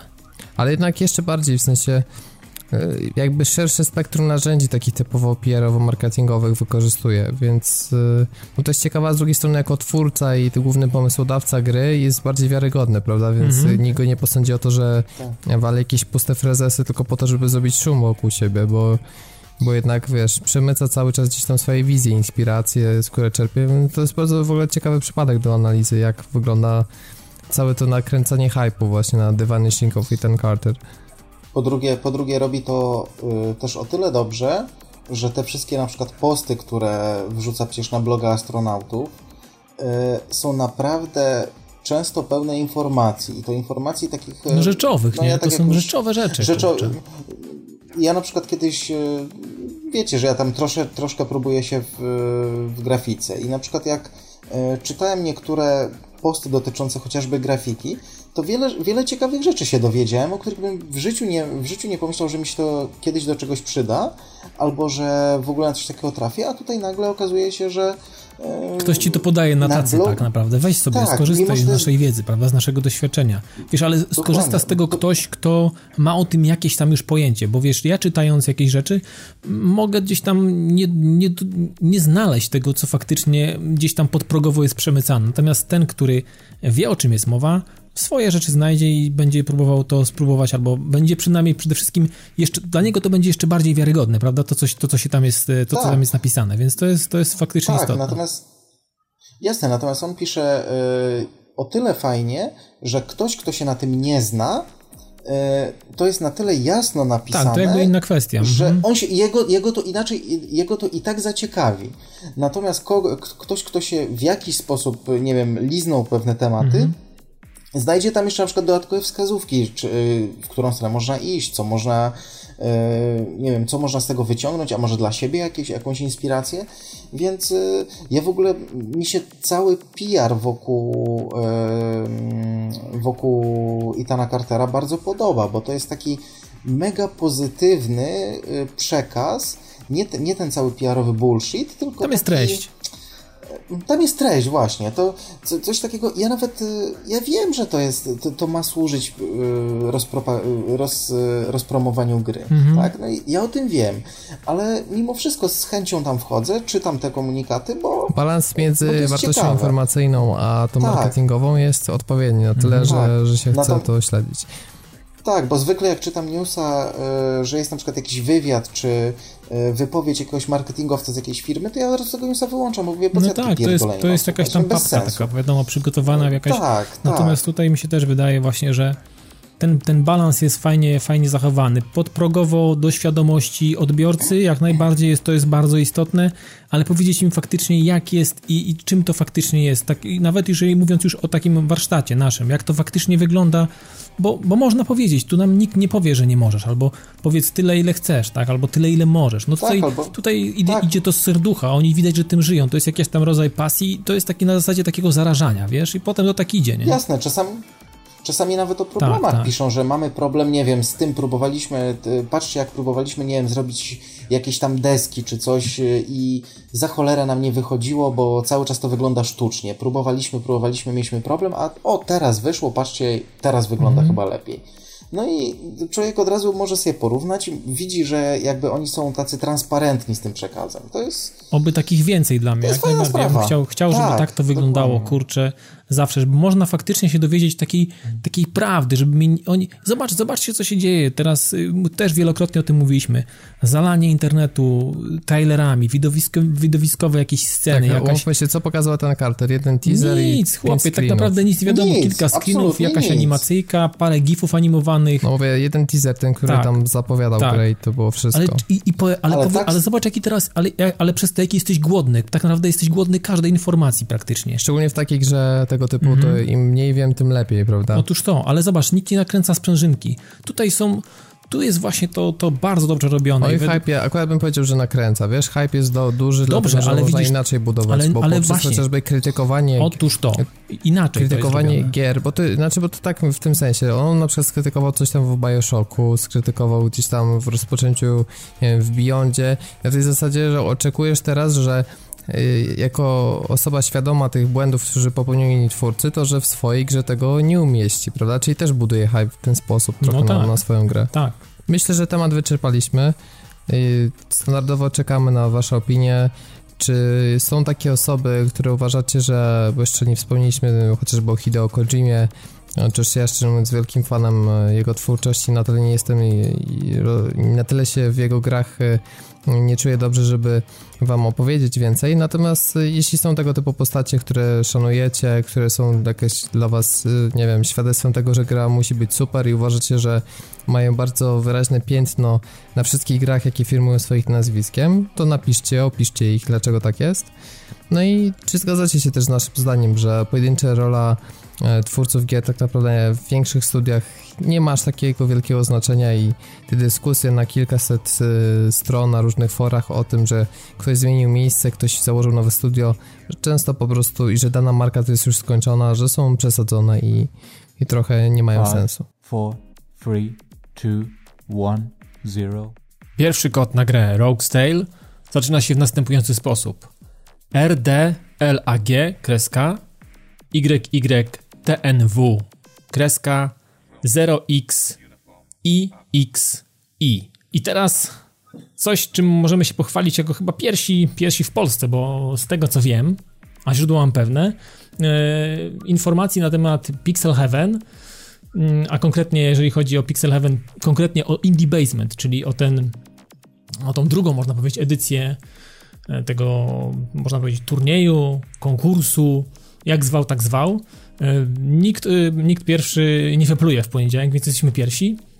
A o czym chcę powiedzieć dokładnie, bo e, samo Pixel Heaven i to, że tam będziemy, to jest jakby jedna rzecz, Może powiedz parę słów, bo nie wszyscy pamiętają z zeszłego roku, co to takiego i o, o co tam przede wszystkim chodzi. No Pixel Heaven, no to już sama nazwa można powiedzieć, tak piksele, gdzieś tam niebo pikseli albo coś takiego, no generalnie chodzi o tak, to jest takie typowo, typowo party, takie, taka impreza, która jest mocno retro i sprzęty 8-bitowe, 16-bitowe, w ogóle wszystko, co kojarzy się z latami 80 i no wczesnymi latami 90 do połowy, załóżmy, do 95-6 roku. Jeszcze tego czasu, można powiedzieć, jeszcze przed internetem, o. Albo w momencie, kiedy go jeszcze nie było w Polsce, no to wiadomo, to wszystko, co, co łączy się z tym, z, tym, z, tą, z tym całym światem gier wideo, z demosceną i mm, z, tym, z, tą, z tą taką magiczną Nostalgią nostalgiczną taką właśnie e, naszą, to co mamy tam gdzieś w sercu i gdzieś tam ma w głowie, to, co, to nasze dzieciństwo, bo w tych latach jakby większość tych, tych osób gdzieś tam w tych Takie latach walczyła. ty, to tak, tak. te dinozaury takie jak ja. E, No to to jest generalnie impreza e, tego typu. No oczywiście to nie jest tak, że jeżeli ktoś przyjdzie i, i nie wiem, ma lat 25, max góra, to niczego tam dla siebie nie znajdzie, bo, bo, bo to jest kwestia jakby też kwestia historyczna, można się dowiedzieć przede wszystkim tego, jak... po- Zobaczyć te sprzęty na żywo, bo Tak, tak, w zeszłym roku, z tego co pamiętam, naprawdę był e, były perełki. duże zaskoczenie, bo były perełki. To były, były. I myślę, sam- że w tym roku będzie, będzie, będzie, Jeszcze będzie, będzie jeszcze więcej takich niespodzianek. I myślę, że Robert Łapiński, Łapusz, na pewno tutaj kontroluje to tak na tyle dobrze, że, że na niespodzianki, no, to, to nawet nie, nie rzecz można liczyć, tylko one na 100% będą. A- jasne. No ale nawet jak nie jesteście super fanami Pixeli, to tak jak wspomniałeś, e, Indie coraz Basement. ważniejszą, coraz, co, dokładnie, coraz większą częścią tego Pixel Heaven jest Indie Basement i w tym roku to się zapowiada na dużo większe wydarzenie, w tym sensie, że jakby i całe jury jest rozbudowane, za, za, zakładam, że też może być więcej zgłoszeń i e, prawdopodobnie będzie też i wyższy poziom przez to tych gier, bo no wiadomo, większy splendor i większa też uwaga mediów, która w tym roku też zapowiada się na, na dużo większą niż w zeszłym roku, no to spowoduje, że konkurencja będzie zacięta. Tak, no i, i ja myślę, że też y, chłopaki, a szczególnie Dominik Głowacki, czyli człowiek z, z indieworld.com, jest jakby organizatorem kon- konkursu Indie Basement 2.0 y, i myślę, że on też przede wszystkim na to liczy, że przede wszystkim też napływ y, produkcji z zagranicy, y, no bo jeżeli w jury mamy już ludzi z zagranicy, Mm, i to są ludzie naprawdę znani i sławni, jakby jeżeli chodzi o, o gałązkę gier niezależnych i całego, całego tego indie, to nie są przypadkowi ludzie, to są naprawdę ludzie, którzy coś znaczą i, i są rozpoznawalni. No myślę, że to też jakby pociągnie za sobą pewne konsekwencje, że tak powiem. I jeżeli mm, ktoś przyjeżdża, nie wiem, ze Szwecji, z Norwegii, czy z jakichś innych tutaj tych, tych krajów europejskich, no to ludzie, którzy z jego środowiska, z jego ogródka, z jego, jakby powiedzieć, można powiedzieć, tego, tego miejsca, gdzie on, gdzie on to tworzy, też będą chcieli w jakiś sposób e, pójść za, pójść za nim i, i pokazać rzeczy, co, które, jakie dzieją się przede wszystkim e, w, w, w, tych, tych, w tych krajach, no, w tych państwach, no bo mm, wiadomo, że te, te gry niezależne, no to co kraj to troszeczkę inaczej to widzimy. Mi się bardzo podobają, mi się podoba bardzo, bar- bardzo rynek gier niezależnych rosyjski. On jest bardzo ciekawy i ciekawy w odbiorze No tak, wspominałeś nawet o takich stronach, no ale główny news tutaj, na który pewnie chciałeś powiedzieć, Tak, to kto będzie news. E, przewodniczącym tego jury, bo rzeczywiście postać znana powinna być nie tylko e, nie tylko w branży gier niezależnych, ale w branży gier w ogóle. Tak. I- Trochę jeszcze zanim powiem kto, to jeszcze jury, bo jury jest skonstruowane w tym roku tak, że to są, to są osoby właśnie z zagranicy i z Polski, ale mm, i ich będzie 14, a 15 jakby tą osobą, taką można powiedzieć wirtualną osobą, to będzie głos publiczności, więc publiczność i ludzie, którzy się zbiorą podczas tego całego tego indie basement, będą, będą w stanie też e, dorzucić swoje, swoje trzy grosze i będzie to tak by, mm, jakby taki do koszyczka, te, parę groszy, więc to myślę, że to, to, jest, to jest ciekawe, bo tego w zeszłym roku nie było, ale co jest najważniejsze, na czele, ży- na czele całego, całego jury, w którego skład no oczywiście wchodzi, wchodzą naprawdę ciekawe osoby, czyli na przykład Magda Cielecka, e, wchodzi na przykład Paweł Schreiber, mm, e, Marcin Drews, mm, Adam Saczko, Voyager Bartłomiej Dramczyk, którego ja uwielbiam, to jest, to jest ikona dla mnie, to jest człowiek, człowiek legenda, Maciej Maciej Miąsik, Madej e, też jest, z- pracuje w Ubisoft Shanghai, Tak, jest dyrektorem tak, tak. kreatywnym. Więc naprawdę są świetne. Julie Haidt na przykład, y, organizatorka Nordic Game Jamu, na którym była Karolina, o którym opowiadała, więc to będą naprawdę wyjątkowe osoby.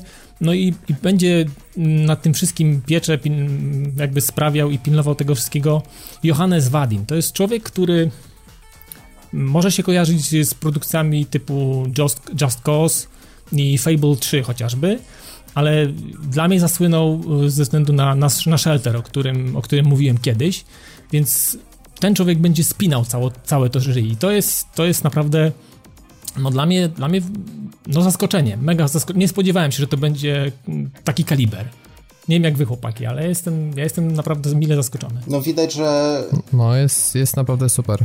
Fajnie, że to jest osoba z zagranicy, która ma też doświadczenie i myślę, wydaje, że podnosi rangę po prostu całemu wydarzeniu. No i sprawdzi, sprawdzi jakby nasze, nasz rynek, nasz, nasze produkcje. Będzie też, będzie mógł zobaczyć to, czego no pewnie na co dzień nie widzi, albo, e, albo no docierają pewnie jakieś tam strzępy tego, tego naszego, można powiedzieć, e, in, indie w, w, naszym, w naszym kraju. No jestem ciekawy przede wszystkim, ile będzie produkcji, bo no, w zeszłym roku było kilka i było naprawdę sporo. Zresztą Cube Cube Cube czy Kings Arthur Gord, no to, to są produkty, które, które gdzieś tam się już zakorzeniły w świadomości graczy, czy Paweł Słabiak, który no nie zaszedł daleko ze swoim One Heart. No były, były gry naprawdę bardzo fajne, jestem ciekawy jak będzie w, jak będzie w tym roku. Mm, I jeszcze tak powiem na koniec, ale pewnie to jeszcze będziemy przypominać, że mm, bodajże w niedzielę, z tego co pamiętam, będę miał przyjemność poprowadzenia mm, jednego, jednego z paneli. To będzie ostatni panel, który będzie zamykał Pixel Heaven.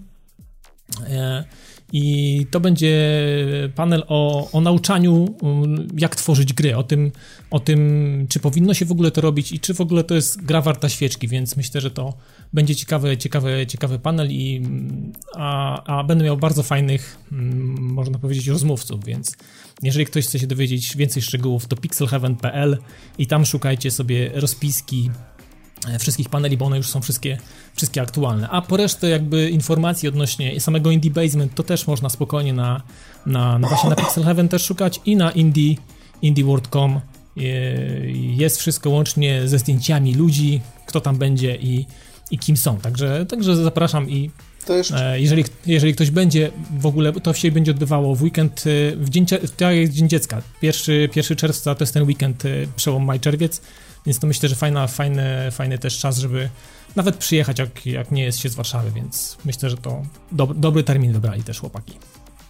Coś Tomku chciałeś powiedzieć jeszcze, czy nie? Nie, chciałem powiedzieć, że a propos informacji, to żebyś powiedział jeszcze, kiedy to będzie dokładnie. Przypomniał. No to właśnie powiedziałem. No to tak, powiedziałeś, to, więc to właśnie, sprawa właśnie nie Dzień. Dziecka, między, przełom maja, czerwca, więc e, to będzie ten weekend. Także, także jak ktoś ma ochotę, to Pixel Heaven 2014, no w tym roku zapowiada się wyjątkowo dobrze. W zeszłym roku było wybitnie, ale to, co to będzie w tym roku, myślę, że e, będzie, przejdzie nasze naj, jakby naj, najśmielsze oczekiwania. Także, także tyle w temacie to, to, nie tylko o grach. To powiedz jeszcze tylko, e, to jest jednodniowe, czy, czy... Nie, nie, dwudniowe. dwudniowe. Sobota, niedziela. Sobota, niedziela. Okay. Sobota, niedziela.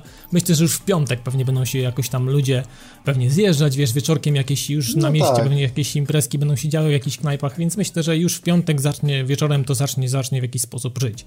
Także myślę, że to będzie bardzo intensywny weekend, a przynajmniej na pewno dla mnie, więc i w niedzielę będę mógł zaraz, zaraz może po, po, po imprezie powiedzieć dużo dobrego i ciekawego na temat właśnie Pixel Heaven 2014. Dobra, chłopaki, newsy. E, Robercie, Amazon robi konsolę, mówisz. No, konsolę w cudzysłowie, bo myślę, że wydaje, że te, no, z jednej strony tak, mieliśmy jakiś czas temu plotki, nawet nie wiem, czy, czy na podcaście ostatecznie o tym mówiliśmy, czy nie, w każdym razie plotki dotyczące tego, że Amazon robi własny sprzęt do grania, stacjonarny, nawet wyciekł ten pad, który rzeczywiście tak wygląda, jak, jak wyglądał na tych Co przeciekach. boli? Natomiast okazuje się, że jest to urządzenie, które przede wszystkim dedykowane do konsumpcji treści wideo z różnego rodzaju usług, takich streamingowych, typu jakieś Hulu, Netflix, Hulu. same dobro, które jest niedostępne w Polsce. No, jakoś niespecjalnie mnie to dziwi, wiesz. E, No, mnie to zdziwi, bo uważam, że jest u nas naprawdę potencjał na te rzeczy, a my się musimy z jakąś tam iplą i playerem, rozumiesz, pieprzyć. Albo z E, Zatoką mm, Szwedzką. No to wiesz, to jest inna kwestia. jakby Już są kiedyś konsekwencje mówiliśmy a tego, propos tak, no, piractwa, no, tak, tak, wiadomo. dokładnie. Tak czy jak w Europie ogólnie, bo to też jest, trzeba powiedzieć, UK i Stany Zjednoczone szczególnie są przywilejowane, Europa ogólnie, powiedzmy kontynentalna, no ma słabo jeszcze z tymi usługami i nawet takie duże rynki jak Francja czy Niemcy też, też wiele z tych y, usług nie posiadają albo w, w okrojonej formie. Może to jest kara za to, że są w Unii. Nie, właśnie to nie działa, wiesz, niestety, żeby to tak fajnie było, mm, żeby producent, który wchodzi do jednego kraju unijnego, musiał teoretycznie oferować usługi w, w, we We wszystkich. wszystkich. krajach unijnych. Tak powinno być, uważam, bo no, no, to jest trochę nieuczciwe, prawda, że tylko część rynków dostaje, tym, nawet gdybyśmy mieli dostęp tylko po angielsku, ale po prostu jest opcja, że dla osób, które chcą, żeby były w stanie zapłacić. Tak, tak. Mm, Nawet gdybyśmy mieli w euro zapłacić, czy w funtach, ale żeby po prostu chamsko się nam nie odcinało po IP dostępu, bo no tak jak mówiłem, wiem, że są osoby, które kombinują tam z proxy, żeby, e, No żeby tak, po prostu no. wyglądać na jakiegoś brytola, ale no mi się osobiście z tym nie chce pieprzyć i powiem szczerze, że że dopóki nie zostanie mi to ułatwione, to ja nie będę, rozumiesz, się starał, żeby komuś zapłacić pieniądze, których on ode mnie nie chce. Dokładnie, dokładnie. Nie ma co chodzić, wchodzić komuś w dupę, jak on nie, ma nas też gdzieś głęboko, nie? No dokładnie, to, to, jest, to, to jest ta zasada.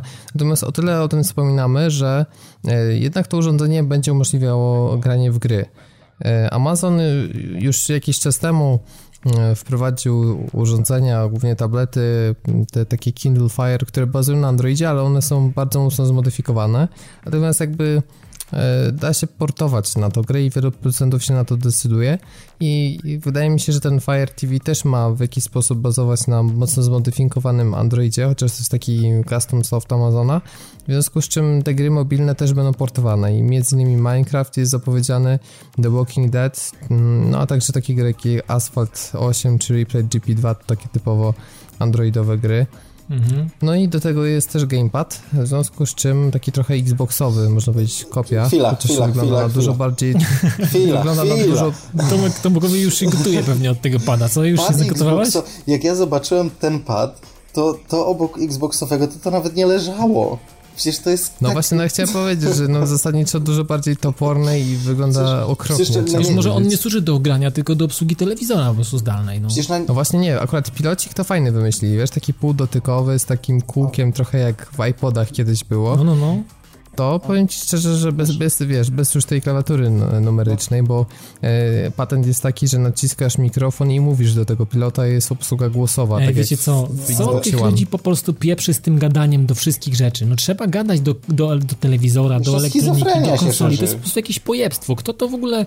Czemu Ale oni taki to jest robią? teraz trend w technologii, Ale ja mam wiesz? w dupie ten trend. Ja nie będę szczekał o drugiej w nocy do telewizora, że mi coś zrobił. Nie? Mam w dupie No to. to jest ten problem, że nie przynajmniej najgorsze jest to, ja powiem tak, jeśli to ma być jako dodatkowy feature, to ja nie mam z tym żadnego problemu, bo ludzie, którzy chcą będzie z tego Robert skorzystać, Wiodąca, to sobie zobaczysz. skorzystają. Ale problemem jest to, tak, tak jak na przykład w Xboxie One mamy, że utrudnia się wręcz celowo, tak modyfikuje się interfejs, że ciężko jest tym padem, że jedynym wyjściem sensownym jest rzeczywiście to gadanie.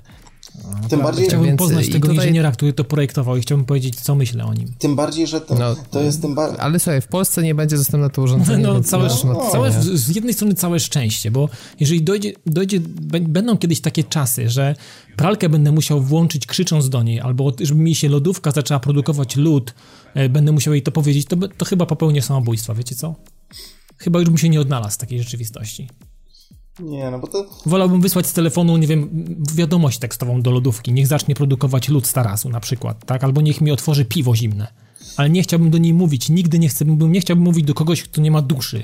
A to jest tym bardziej... A to widzisz, a to nawet Microsoft teraz w nowym Windows Phone wprowadził Cortanę z Halo, która ma być sztuczną inteligencją w twoim telefonie, który, z którą masz właśnie rozmawiać i starasz się tak Fuck mocno nie chcę nie, tego. cisnąć, że, żeby miała jakąś taką tożsamość, żeby łatwiej było mówić niż do takiego prostego syntezatora mowy. Nie chcę tego. Ale to tym nie bardziej- chcę się tego, boję się tego i nie chcę tego. Ale w, w przypadku Microsoftu właśnie i tego, tego, tej konieczności gadania, to jest tym bardziej dziwne, że przecież i tak nie masz opcji kupienia e, Xa bez Kinecta, w związku z czym nie wiem, nie wiem dlaczego oni na siłę chcą to przepchnąć, skoro oni już Wiesz to... co, nie wiem, no może, może tak będzie, jeżeli, jeżeli, nie wiem czy taka będzie możliwość, albo może taka możliwość już jest, że jeżeli Kinect faktycznie nie musi być cały czas podnoszony, to może go można w pizdu sprzedać, no. Ale, ale powiedz mi, kto kupi samego Ja Kinecta, nie wiem, może mu się zepsuje i Xbox- będzie chciał kupić drugi, bo, on, bo na rynku, wtu- na rynku no, A, no, jak się zepsuje, to ma gwarancję, więc na razie to nie ma absolutnie, wiesz, finansowej racji bytu. nie wiem, może, może do komputera będzie można to jakoś, może, może ktoś będzie chciał kupić, No, żeby ale robić nie coś jest na, na, na PC. kompatybilna wersja. Microsoft już o to zadbał, powiem ci, żeby tak się nie działo. Nie wiem, no. Także to jest problem. No ale macie rację, no jest interfejs e, głównie głosowy z tym pilotem, natomiast e, kwestia jeszcze tej, tego aspektu gaming, gamingowego, bo on tutaj jakby najbardziej jest najważniejszy, dotyczy jasne. Z takim padem? Sorry. z takim padem, no i e, przede wszystkim strasznie ograniczona biblioteka gier, ponieważ one muszą być specjalnie pod ten sprzęt dostosowane, muszą być dostosowane do obsługi pada, więc e, to nie jest tak, że to będzie dostęp do Google Play'a i będziemy mieli, wiecie, Interfejs coś takiego jak postaci. OUE, Mhm, tylko mhm. taką, jaką byśmy chcieli mieć. Mhm. Właśnie to mi się wydaje, że, że no, mamy taki przykład konsoli bazującej na Androidzie, która musi mieć własne aplikacje i gry, to jest OUA. No i jak sobie radzi, no to Ujowo. myślę, że nie trzeba mówić dokładnie ujowo. Ale trzeba Ale- wspomnieć jeszcze o jednej rzeczy, No. że cały sprzęt kosztuje złotych 300. Około 300-350. 99 dolarów. Tak. No, to zależy od kursu. Tak? Ameryka- Ale tyle samo USD. kosztuje Apple TV, tak? Więc a jakieś super mega hiper popularne to nie jest. Y, No, to jest inna sprawa. Na przykład do Apple TV nie masz pada. Ha. Ale możesz wykorzystać Tablet e, iPhone'a. jako pada do gier Tak, i streamować po AirPlayu. Wiesz co? iPhone jako pad? Też tego nie widzę, nie? Ale, ale dobra, nie? Ale dobra. Ale pamiętaj, że do gier jednak mobilkowych, więc to też to jest trochę inaczej. To jest na takiej zasadzie, że e, że masz grę, w której i tak jest sterowanie dotykiem, tylko wiadomo, że telewizora nie może dotykać, więc dotykasz iPhone'a albo iPada. Tylko wiesz, w tym momencie masz bezpośrednio y, to, co jest na ekranie iPhone'a, y, to masz jakby kontrolę nad tym, co i gdzie dotykasz. Natomiast tak, jak masz patrzeć gdzie indziej, to na dotyk, wy, na normalnym padzie, to na dotyk wyczujesz, gdzie masz przyciski, a tutaj to po prostu będzie... No tak, no kwestia pamięci mięśniowej, no i za każdym razem będziesz No to trzymał inaczej, nie?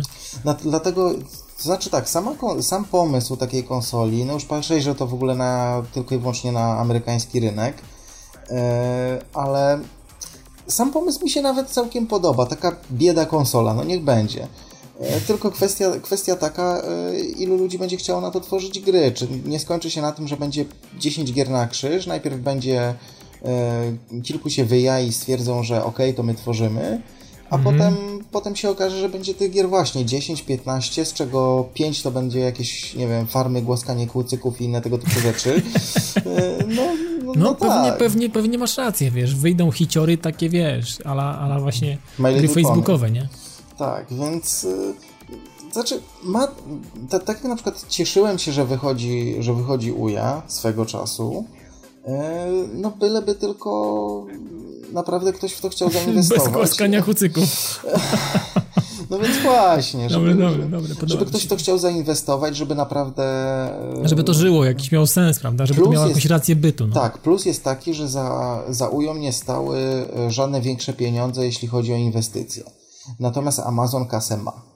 No ma. Więc, No to trzeba przyznać, Więc- ale i, no i też będzie chciał sprzedawać, umówmy się, e, to, że tam e, będzie opcja Netflixów i, i różnych innych, ale oni też będą chcieli mm, po prostu Swoje usługi. cyfrowo swoje treści, dokładnie. Ale wiecie Wiecie- co? Natomiast plusem jest to, że jest tak dużo tych usług. Gdybym był w Stanach, słuchajcie, to mocno bym się zastanowił nad takim sprzętem, chociażby pod Netflixa, czy, czy nie kupić. Wiadomo, że te Smart TV mają e, już budowane, ale często te aplikacje nie są tak dopracowane, a tu jest pierwszy sprzęt, który na tyle płynnie działa. Rzeczywiście interfejs jest e, super zrobiony i pomijając e, tą niedogodność e, komend głosowych, o których już mówiliśmy, to samo to nawigowanie mm, po tych wszystkich rodzajach aplikacji, rodzajach filmów, seriali, to się super sprawuje i, z tego co widziałem, to naprawdę mi się podobało. Ale wiecie co, Tomek powiedziałeś bardzo fajnie, powiedziałeś taka mm, bieda konsola będzie, ale jak widać Amazon chyba mierzy, mierzy wyżej, bo wydawałoby się, że no może być to in, y, sprzęt, który zainteresuje biednego Polaka, prawda, że, że, że jednak może się skusi za 300, no to panie, no to jest, to jest rewelacja, ale w takim razie Amazon pokazuje środkowy palec dla Polski i y, okazuje się, że darmowe wysyłki do, do naszego kraju y, będą już niemożliwe. W każdym razie no, nie będziesz mógł kupić nawet ty, ten biedak polski, tej konsoli za te 300, więc, więc to jest jakby kolejny, kolejny krzywy news, prawda Robercie, odnośnie tych, tych, y, tych darmowych wysyłek do Polski. Jaki w ogóle powód jest tego, że oni to w ogóle... e, No, kwestia jakiejś opłacalności, ale to jest o tyle takie śmieszne, że teraz Amazon otwiera w Polsce magazyny, więc się wydawało, że wiesz, że nawet szybciej dostaniemy, ponieważ... Nie, to wiesz, będą bazy przerzutowe. Ale czekaj, No tak, ale no, czekaj, Tomek, ale ty co? mówisz tylko magazyny, czy chodziło ci o polski Amazon? Bo polski Amazon to z tego co wiem, to się chyba już od 3 lat otwiera i takim coś Nie, nie, chodzi mi nie, o, nie, ma- magazyn- całe, e, wszystkie magazyny na całą Europę Centrum dla logistyczne Amazona. takie, tak. e, Jedno pod Poznaniem, jedno pod Wrocławiem. Tak jest. M- Przyjęliśmy to od Niemców. To co, co za sens, żeby do Polski nie było, ja nie mówię darmowych, ale tańszych wysyłek? Polak będzie okradał magazyny lokalnie już teraz. Amazon? Nie, dokładnie nie, nie ma w Polsce Amazona, w związku z czym oni patrzą trochę na to inaczej, wiesz, teoretycznie to jest jednak korporacja, więc oni mogliby musieć to jakoś wysyłać do Wielkiej Brytanii i znowu wysyłać z Wielkiej Brytanii do nas. Znając życie, tak. E, A nawet jeśli by tak nie było, to jest kwestia po prostu jakiejś tam, wiesz, e, polityki korporacji. No w każdym razie uznali, że darmowa wysyłka do Polski i w ogóle do innych krajów poza... Bo to nie jest tak, że tylko Polska nagle wyleciała Nie, z no listy, żeby, żebyśmy nie myśleli. Po prostu te wsz- wszystkie kraje, w których była opcja, mm, wylatują i poza wyspy za darmo mm, tych wysyłek powyżej tam 25 czy 30 funtów, funtów e, wysyłać nie będą. To szkoda, ponieważ ta różnica w cenie właśnie w dużej mierze wynikała też na darmowej wysyłce. Ona się robiła wtedy często tak rzędu 50-60 zł. No a teraz to już będzie rzędu 20 zł, a często to jest dłuższe czekanie na grę. Pytanie często powiedzmy 4-5 dni. E, jak przez weekend doliczamy do tego, nie mówię o dniach roboczych. No to pytanie, czy, czy w ogóle będzie warto dla tych 20-15 no zł, a czasami może żadnej różnicy nie być. I jeszcze dodatkowo obsługa czasowa, nie? więc to generalnie może się okazać, że mm, przyjdzie nam kupować już tylko i wyłącznie u siebie, tu i lokalnie. Będzie, będzie to samo, a będziesz miał praktycznie od ręki. No. Tak, to znaczy... Yy... Jeżeli chodzi o gry, no nie wiem jak tam wiesz z innymi rzeczami, bo to kwestia też elektroniki była ważna przecież, różnych, różnych edycji, jeżeli chodzi o muzykę, o jakieś wydania i tak dalej. No na tamtym rynku było sporo rzeczy, których u nas się nie, u nas się nie pojawiały i to wydaje mi się, że tu będzie, bo gry tam, fuck it gry, ale takie rzeczy, które były niedostępne w ogóle na naszym rynku. No chociażby, chociażby książki tak e, niektóre bardziej specjalistyczne, na przykład. No chociażby. E, często książki... Kindle chyba, Robert, wie... też nie jest dostępny u nas normalnie na rynku, nie? Nie ma tak, nie możesz iść sobie gdzieś kupić. Nie, to jest, to jest, to jest amazonowa e, rzecz, no właśnie. Dokładnie. No, on jest przez Amazona dostępny, u nas są jacyś resellerzy, ale to nie jest tak, że oficjalny, tylko tak dokładnie, trochę na krzywy dokładnie, rej. Dokładnie, więc to jest, to jest generalnie pod kątem innych produktów ja patrzę, bo gry to tam olewam, ale... Nie, no ale wiesz, jak Amazon by wszedł wreszcie do Polski, to by mocno wstrząsnął rynek. Myślę, że wiesz, to, to był największy konkurent Allegro, bo u nas jednak ten e-commerce to, to się kręci wokół Allegro, szczególnie, no, że oni się. teraz jako, nie tylko jako serwis, ale jako cała grupa serwisów, mhm. bo przecież oni mają też chociażby tablica.pl, które też, też rośnie Oto Moto, tam jest w ogóle masa rzeczy, jasne. Tak. Dokładnie, więc oni jako naprawdę są też o, ogromnym tutaj graczem na polskim rynku. No i bez takich dużych nakładów inwestycyjnych, bez tak dużego gracza jak Amazon, to, to ciężko będzie. Owszem, no mamy Empik, y, y, który też tam bodajże, zdaje się, że Merlin kiedyś Mer tam wykupił. Tak, czy Merlin coś. Mhm. E, tak, no ale to, to nie, jeśli chodzi o gry, no to wiemy jak to jest z Empikiem i to szkoda gadać, no. a Amazon jednak e, potrafi robić te promocje, robi je regularnie i ma taką kulturę właśnie zachodnią. Przynosi to, co jesteśmy przyzwyczajeni na Steamie, czy czy w tych innych cyfrowych sklepach z grami, e, do też fizycznych produktów. Naprawdę można fajne deale wyłapać. Ostatnio chyba na 3DS-a była fajna promocja. No, u nas tego niestety brakuje i dopiero jak już jest totalne wietrzenie magazynów, to nagle jest przecena z 239 zł na 39. Co jest dla mnie często niezrozumiałe, bo wydaje mi się, że wiele sklepów mogłoby naprawdę, gdyby tak się nie trzymali się kurczowo tych premierowych cen przez często rok, półtorej, to e, no po prostu większe obroty mogliby na tym być. Ja rozumiem, że oni często kupują po jakichś wysokich cenach i dla nich to jest często sprzedanie ze stratą i wolą w ogóle nie sprzedać, no ale no mimo wszystko, myślę, że brakuje tych promocji na polskim rynku, więc ja bardzo czekam na, na Amazona, bo myślę, że oni mogą tylko rozruszać, a tak to pozostaje w sumie Allegro i polowanie na okazję. Po drugie, Amazon może wprowadzić właśnie takie y, bardziej międzynarodowe, y, znaczy zagraniczne, zagraniczne produkty y, też do Polski. No tak, no właśnie. Nie, te, właśnie się nie da... To, było, to było dla, dla mnie najważ, naj, najważ, najciekawszym właśnie elementem. To, że wiesz, możesz dorwać rzeczy, które no, nie występują na naszym rodzimym tutaj rynku i to było, to było fajne zawsze. No. Dokładnie, a przy, przy dodatkowym płaceniu za wysyłkę to się już naprawdę przestaje opłacać. Wiesz, no jeżeli ktoś jest, jest jakimś kolekcjonerem i potrzebuje faktycznie tam jakieś, znajduje jakieś rzeczy, które faktycznie są istotne, no to wiesz, no te 15 baksów, czy tam 15 jakichś tam euro czy funtu, to już może mu nie robić różnicy, jak on wiesz, na coś jest nagrzane i kupuje coś, co jest warte, nie wiem, 100-200 dolarów, tak na przykład, albo coś jeszcze droższego, no to wtedy mu to nie robi, no ale generalnie jakby nie patrzeć, to zabije ten taki, tą drobnicę, nie? Mhm. Tak mi się wydaje. Niestety. No i lećmy dalej, bo będziemy teraz mówić trochę o grach, o tym, że Square zmienia trochę mm, jakby swoje podejście do, mm, do, do produkcji i skupi się na, na nas, chłopaki, na, gracz, na, gra, na graczach hardkorowych. Chce robić no gry właśnie. w końcu, które będą dla nas y, czymś, będą jakimś wyzwaniem przede wszystkim. No, jestem ciekawy. Znaczy, to nawet nie o to chodzi, że aż tak wyzwaniem, ale o taką wierność y, serii, wierność tradycji, ponieważ y, to już wielokrotnie o tym rozmawialiśmy, chociażby Hitman, który też tobie nie podszedł, Dawid. No nie podszedł. Jest grą, która miała się ukierunkować na szerszego odbiorcę, miało więcej osób zainteresować do serii. Tymczasem się okazało, no tak jak mówiliśmy i może być też przykład nowego Thiefa, że E, gra, która powiedzmy i tak jest zbyt nudna, żeby takiego przeciętnego gracza amerykańskiego powiedzmy zainteresować, a jest na tyle zmieniona, że ten gracz, który jest wierny serii i chce kupować wszystkie części od tam x lat, no to jest zawiedziony po prostu ucasualowieniem i zmianami, które no bardzo często nie prowadzą do Obrażają go, kierunku. żebym powiedział nawet Tak. w ten sposób. Jest Tak, obrażany. no Square Enix y, ma bardzo trudną sytuację finansową. Oni się pchają w dużo projektów, które nie przynoszą niestety im kasy. E, albo w bardzo kosztowne, takie jak chociażby Tomb Raider. Steve'em myślę, że kasę też stracili, też był to kosztowny projekt. Teraz chyba wydają tego Murdered e, Soul, Soul Suspect. Tak, tak. Więc y, to też nie szykuje się na jakiś taki, wiesz, AAA-owy hicior, który się sprzeda w kilku milionach. No ale to, co udało mi się sprzedać, to jest y, taki JRP, który nazywa się Bravely Default. Mm, I okazało się, że bardzo dużo, mimo że to jest taki absolutnie hardkorowy e, w swoich założeniach i taki, taki typowy przedstawiciel gatunku dla, no taki można powiedzieć, nie wiem, czy to nie jest y, za duże stwierdzenie, ale taki trochę Dark Souls, w tym sensie, że właśnie nastawiony na, na hardkorowych graczy. Jakby mówię ogólnie o koncept, nie, nie, porównuję gameplayu tutaj absolutnie. Mhm. E, No i sukces tej gry m, nie tylko w Japonii pokazał, że, że jednak jest spora grupa tych hardkorowców, którzy mm, chcą sięgać po takie tytuły i chociażby kolejne części Hitmana, jak twierdzą, mają w tym duchu pójść i w ogóle gry od Square Enix, że po prostu bardziej w kierunku hardkorowych graczy bardziej korzystać z tego, z czym słynie dana seria i przestać właśnie otwierać się nad tego mitycznego, przeciętnego odbiorcę, który jak się okazuje potem i tak nie jest tą grą zainteresowany, bo sobie gra w Call of Duty albo w Minecrafta. Mhm.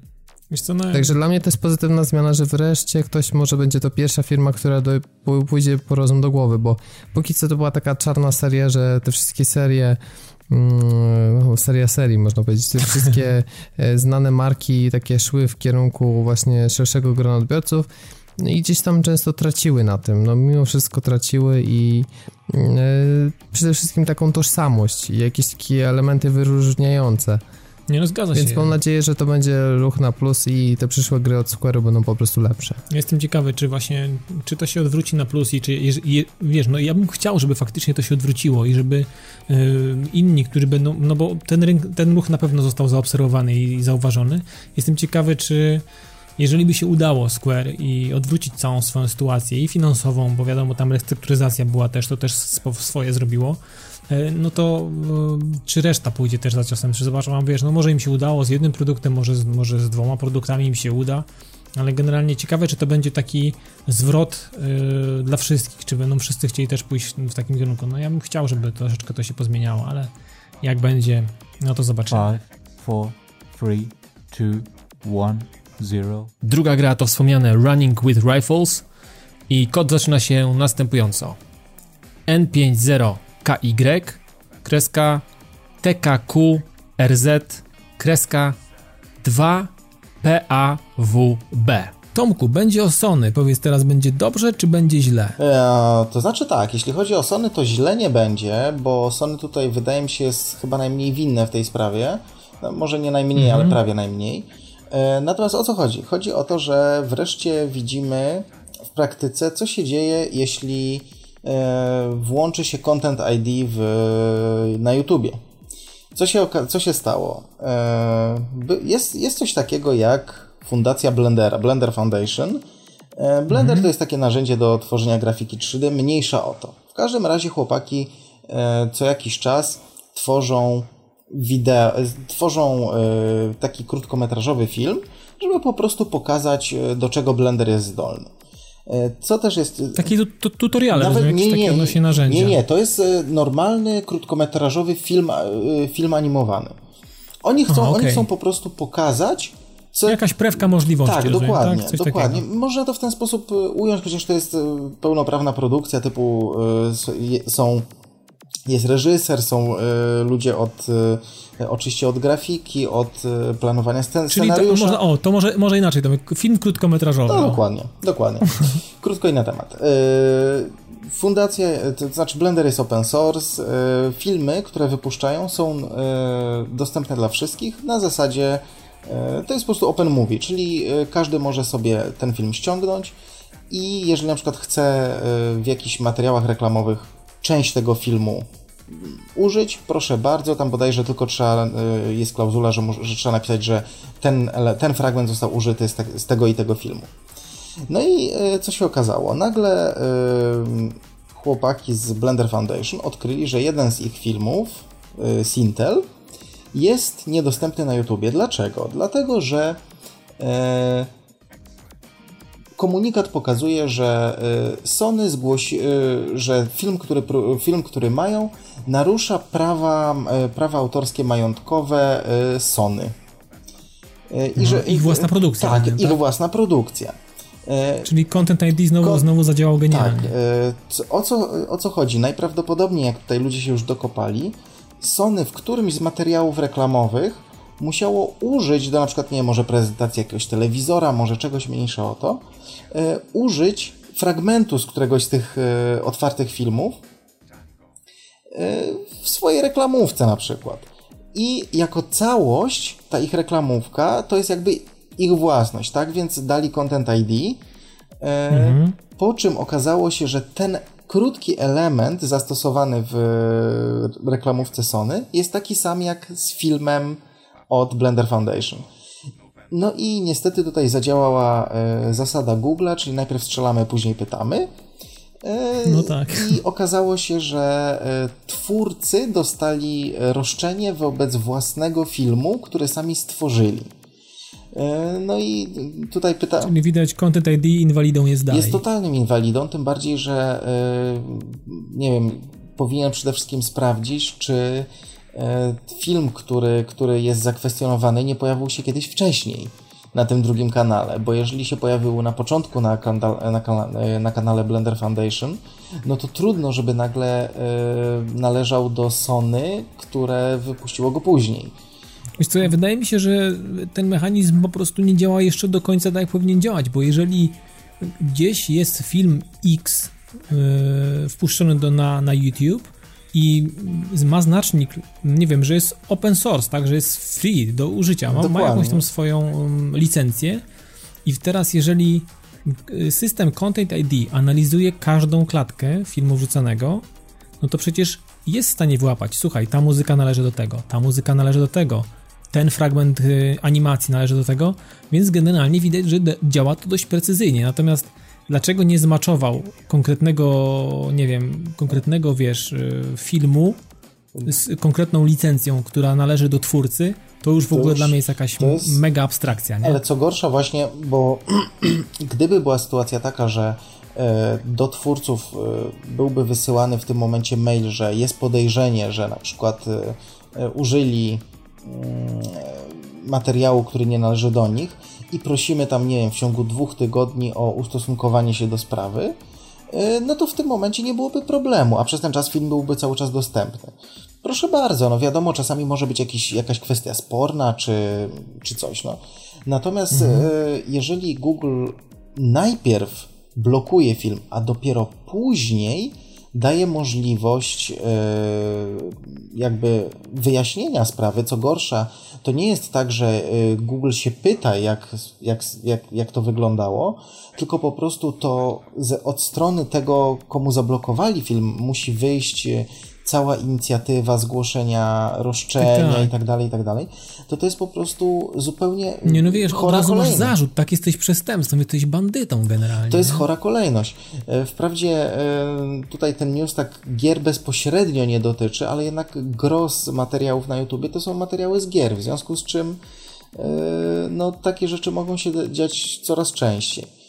Więc, no, no mogą się dać. Ja generalnie dlatego wiesz, no to jest, to, to, ta cała polityka i ten kierunek jest, nie wiem, ja jestem trochę zszokowany, kurczę, to idzie, to idzie tak w takim dziwnym kierunku, kurczę, Powiem mam tak nieprzyjaznym że i tak są dalej. plotki, że Yahoo ma otworzyć swój serwis wideo, który miałby mocno konkurować z YouTube'em. Wydaje mi się, że taka konkurencja jest potrzebna, żeby wymóc na Google pewne zmiany, bo bez tego czują się bezkarni po prostu i Tak, wiedzą, tak, że tak. mogą robić co chcą. Tak. Chciałbym, chciałbym, no, żeby tak zależy, było. zależy też, jakie y, zasady wprowadzi Yahoo, bo jeżeli będą jeszcze bardziej restrykcyjne albo porównywalne... Podobnie Nie no to- sądzę, wiesz, jeśli chcą powalczyć, to muszą jednak e, na początku przynajmniej trochę rozluźnić Ale karaniec. wiesz, no je- Robert, jeżeli ty, roz, jeżeli mm, serwis rozluźni się, ale yy, Sony i pozostali, ci, którzy będą mieli roszczenia, oni się nie rozluźnią na to Ale wygląda. oni powiedzieli, że oni są dużo bardziej liberalni niż YouTube w wielu kwestiach i oni absolutnie sami są zdziwieni, że tak to wygląda, dlatego że jak była ta cała afera ze zmianą Content ID, to większość generalnie studiów yy, powiedziało, że oni nie robią żadnych problemów i to nie oni w ogóle klejmują te materiały, tylko to robi system automat, który po prostu źle działa. A poza oczywiście takim Nintendo, które rzeczywiście na przykład nie życzy sobie, żeby w ogóle pokazywać ich gier e, i nagrywać samemu gameplaye. No oni mówią jasno, no my sobie tego nie życzymy. Tak, bo dzięki temu, jak, nie jak, będzie jak, jak mniej naszych gier w internecie, tym więcej sprzedajemy. Taka jakaś No ale Nintendo polityka. jest marketingowo i myśleniowo w latach 90., więc dla jest nich japońska Tak, no. ja wiem. Tak, tak, tak. No, No ale to może zostawmy. No, zostawmy tak, to. tak. Gry. To Gry. nie będziemy o tym. Gry, gry, Nie gry. ma co chęci, co hejcić. W końcu od dłuższego czasu e, nie było bardzo mocno e, nic o mobilkach. No, No. właśnie, bo i szczerze, jeśli o mnie chodzi, to ja po, absolutnie szczerze dawno w nic takiego nie grałem. No za darmo się pojawiło jakiś czas temu Crazy Taxi, to sobie trochę popykałem. A tak, jeśli chodzi o granie na tablecie czy telefonie, u, to od bardzo dawna nic się nie działo w temacie u mnie. Ale jednak zadziało się. Monument Valley. Tak, e, Monument Valley rzeczywiście gra dostępna na, póki co tylko na iOS-a, chociaż jest też zapowiedziana na Androida, chociaż jest coming soon, więc y, niestety bez żadnej daty premiery. Jeśli chodzi o iOS-a, to świeżynka, parę dni temu się pojawiła i z tego co widziałem, to już jest na szczytach e, listy płatnych aplikacji, także u nas w Polsce. Ja niestety nie mogłem kupić, bo mój iPad First Generation pokazał mi środkowy palec iOS 6.0 minimum chyba required i niestety ze swoją 5.1.1 mogłem się pocałować. No wiesz, no to też uczciwie trzeba przyznać, że iPad 1 to jest już czteroletni sprzęt, więc... No wiem, e, no to jest generalnie już trup, no. No, trudno jest od czegoś wymagać. Ja i tak jestem w szoku, że ja mam iPada drugiej generacji, że cały czas dostaję update'y i na 7.1 na iOSie... A zobacz jaka różnica w czasie tak naprawdę, nie? Minimalna. No, znaczy no Premier- rok, Premier no, Premier mój ma przerwał, 3 lata, No, prawda? No, tak, tak, tak. I No więc- dostajesz do siódemki. Szóstkę przerobiłeś, siódemkę robisz, a ja już do No, szóstki nie chyba dostałem nawet. startował na piątce nawet, z tego co pamiętam. No widzisz, no widzisz. No dobra, Może ale no, Co z tym, tym no. Monument Valley? Co to jest? To jest mm, bardzo ciekawa stylistycznie gra, ale jeśli chodzi o koncept gameplayowy, to bym powiedział, że to jest trochę takie połączenie Feza z Journey. Mhm. Brzmi E, ciekawie. Jeśli chodzi o e, ten aspekt fezowy, tutaj mamy manipulację perspektywą. Teoretycznie gra wygląda tak trochę zrzut izometryczny, takie trochę 2,5D, natomiast mamy możliwość manipulacji różnymi elementami w grze, e, co powoduje, że całość jest jakby trójwymiarowa. Ale kamera jakby ma takie cztery miejsca z każdej strony, gdzie może się zalokować, więc to, to jest tak, że no, obiekt możemy sobie obracać dowolnie, ale on się musi w jednej z czterech pozycji, przynajmniej póki co te poziomy, które przechodziłem, to tak to wyglądało. Natomiast e, o ile FES mm, e, bardziej chodzi o to, że mamy taką typowo dwuwymiarową grafikę i nagle to obracanie i takie zabawa tą perspektywą jakby w głąb, to tutaj bardziej chodzi o zabawę perspektywą tak wertykalnie to nazwijmy, czy Mhm. tak w pionie po prostu, że często e, wydaje nam się, że na przykład idziemy na dół, a jesteśmy wyżej, no tak, takie po prostu Rozumiem, rozumiem. w taki sposób musielibyście to zobaczyć, y, jak to wygląda w ruchu, bo ciężko jest tak opisać, ale takie różne iluzje optyczne związane właśnie ze zmianą poziomu, wysokości i y, w połączeniu z manipulowaniem obiektami i takie, taką zabawą czysto taką logiczną w To wiesz co, przesuwaniu przypomina, jak przedmiotów. tak mówisz, to przypomina mi się taka gra, w której grało się światłem bardzo mocno e, za pomocą mowa. Miałaś wrażenie, że trzymasz latarkę i musiałeś odpowiednio rzucać cień.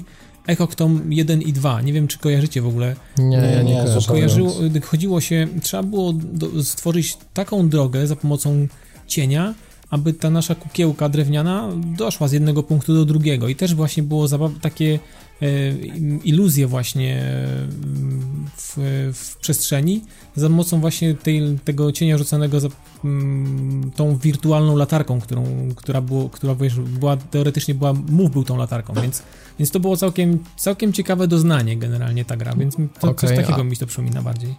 Okej, no tutaj jest powiedzmy, że częściowo, ale no, mi jednak pierwszym takim skojarzeniem był FS.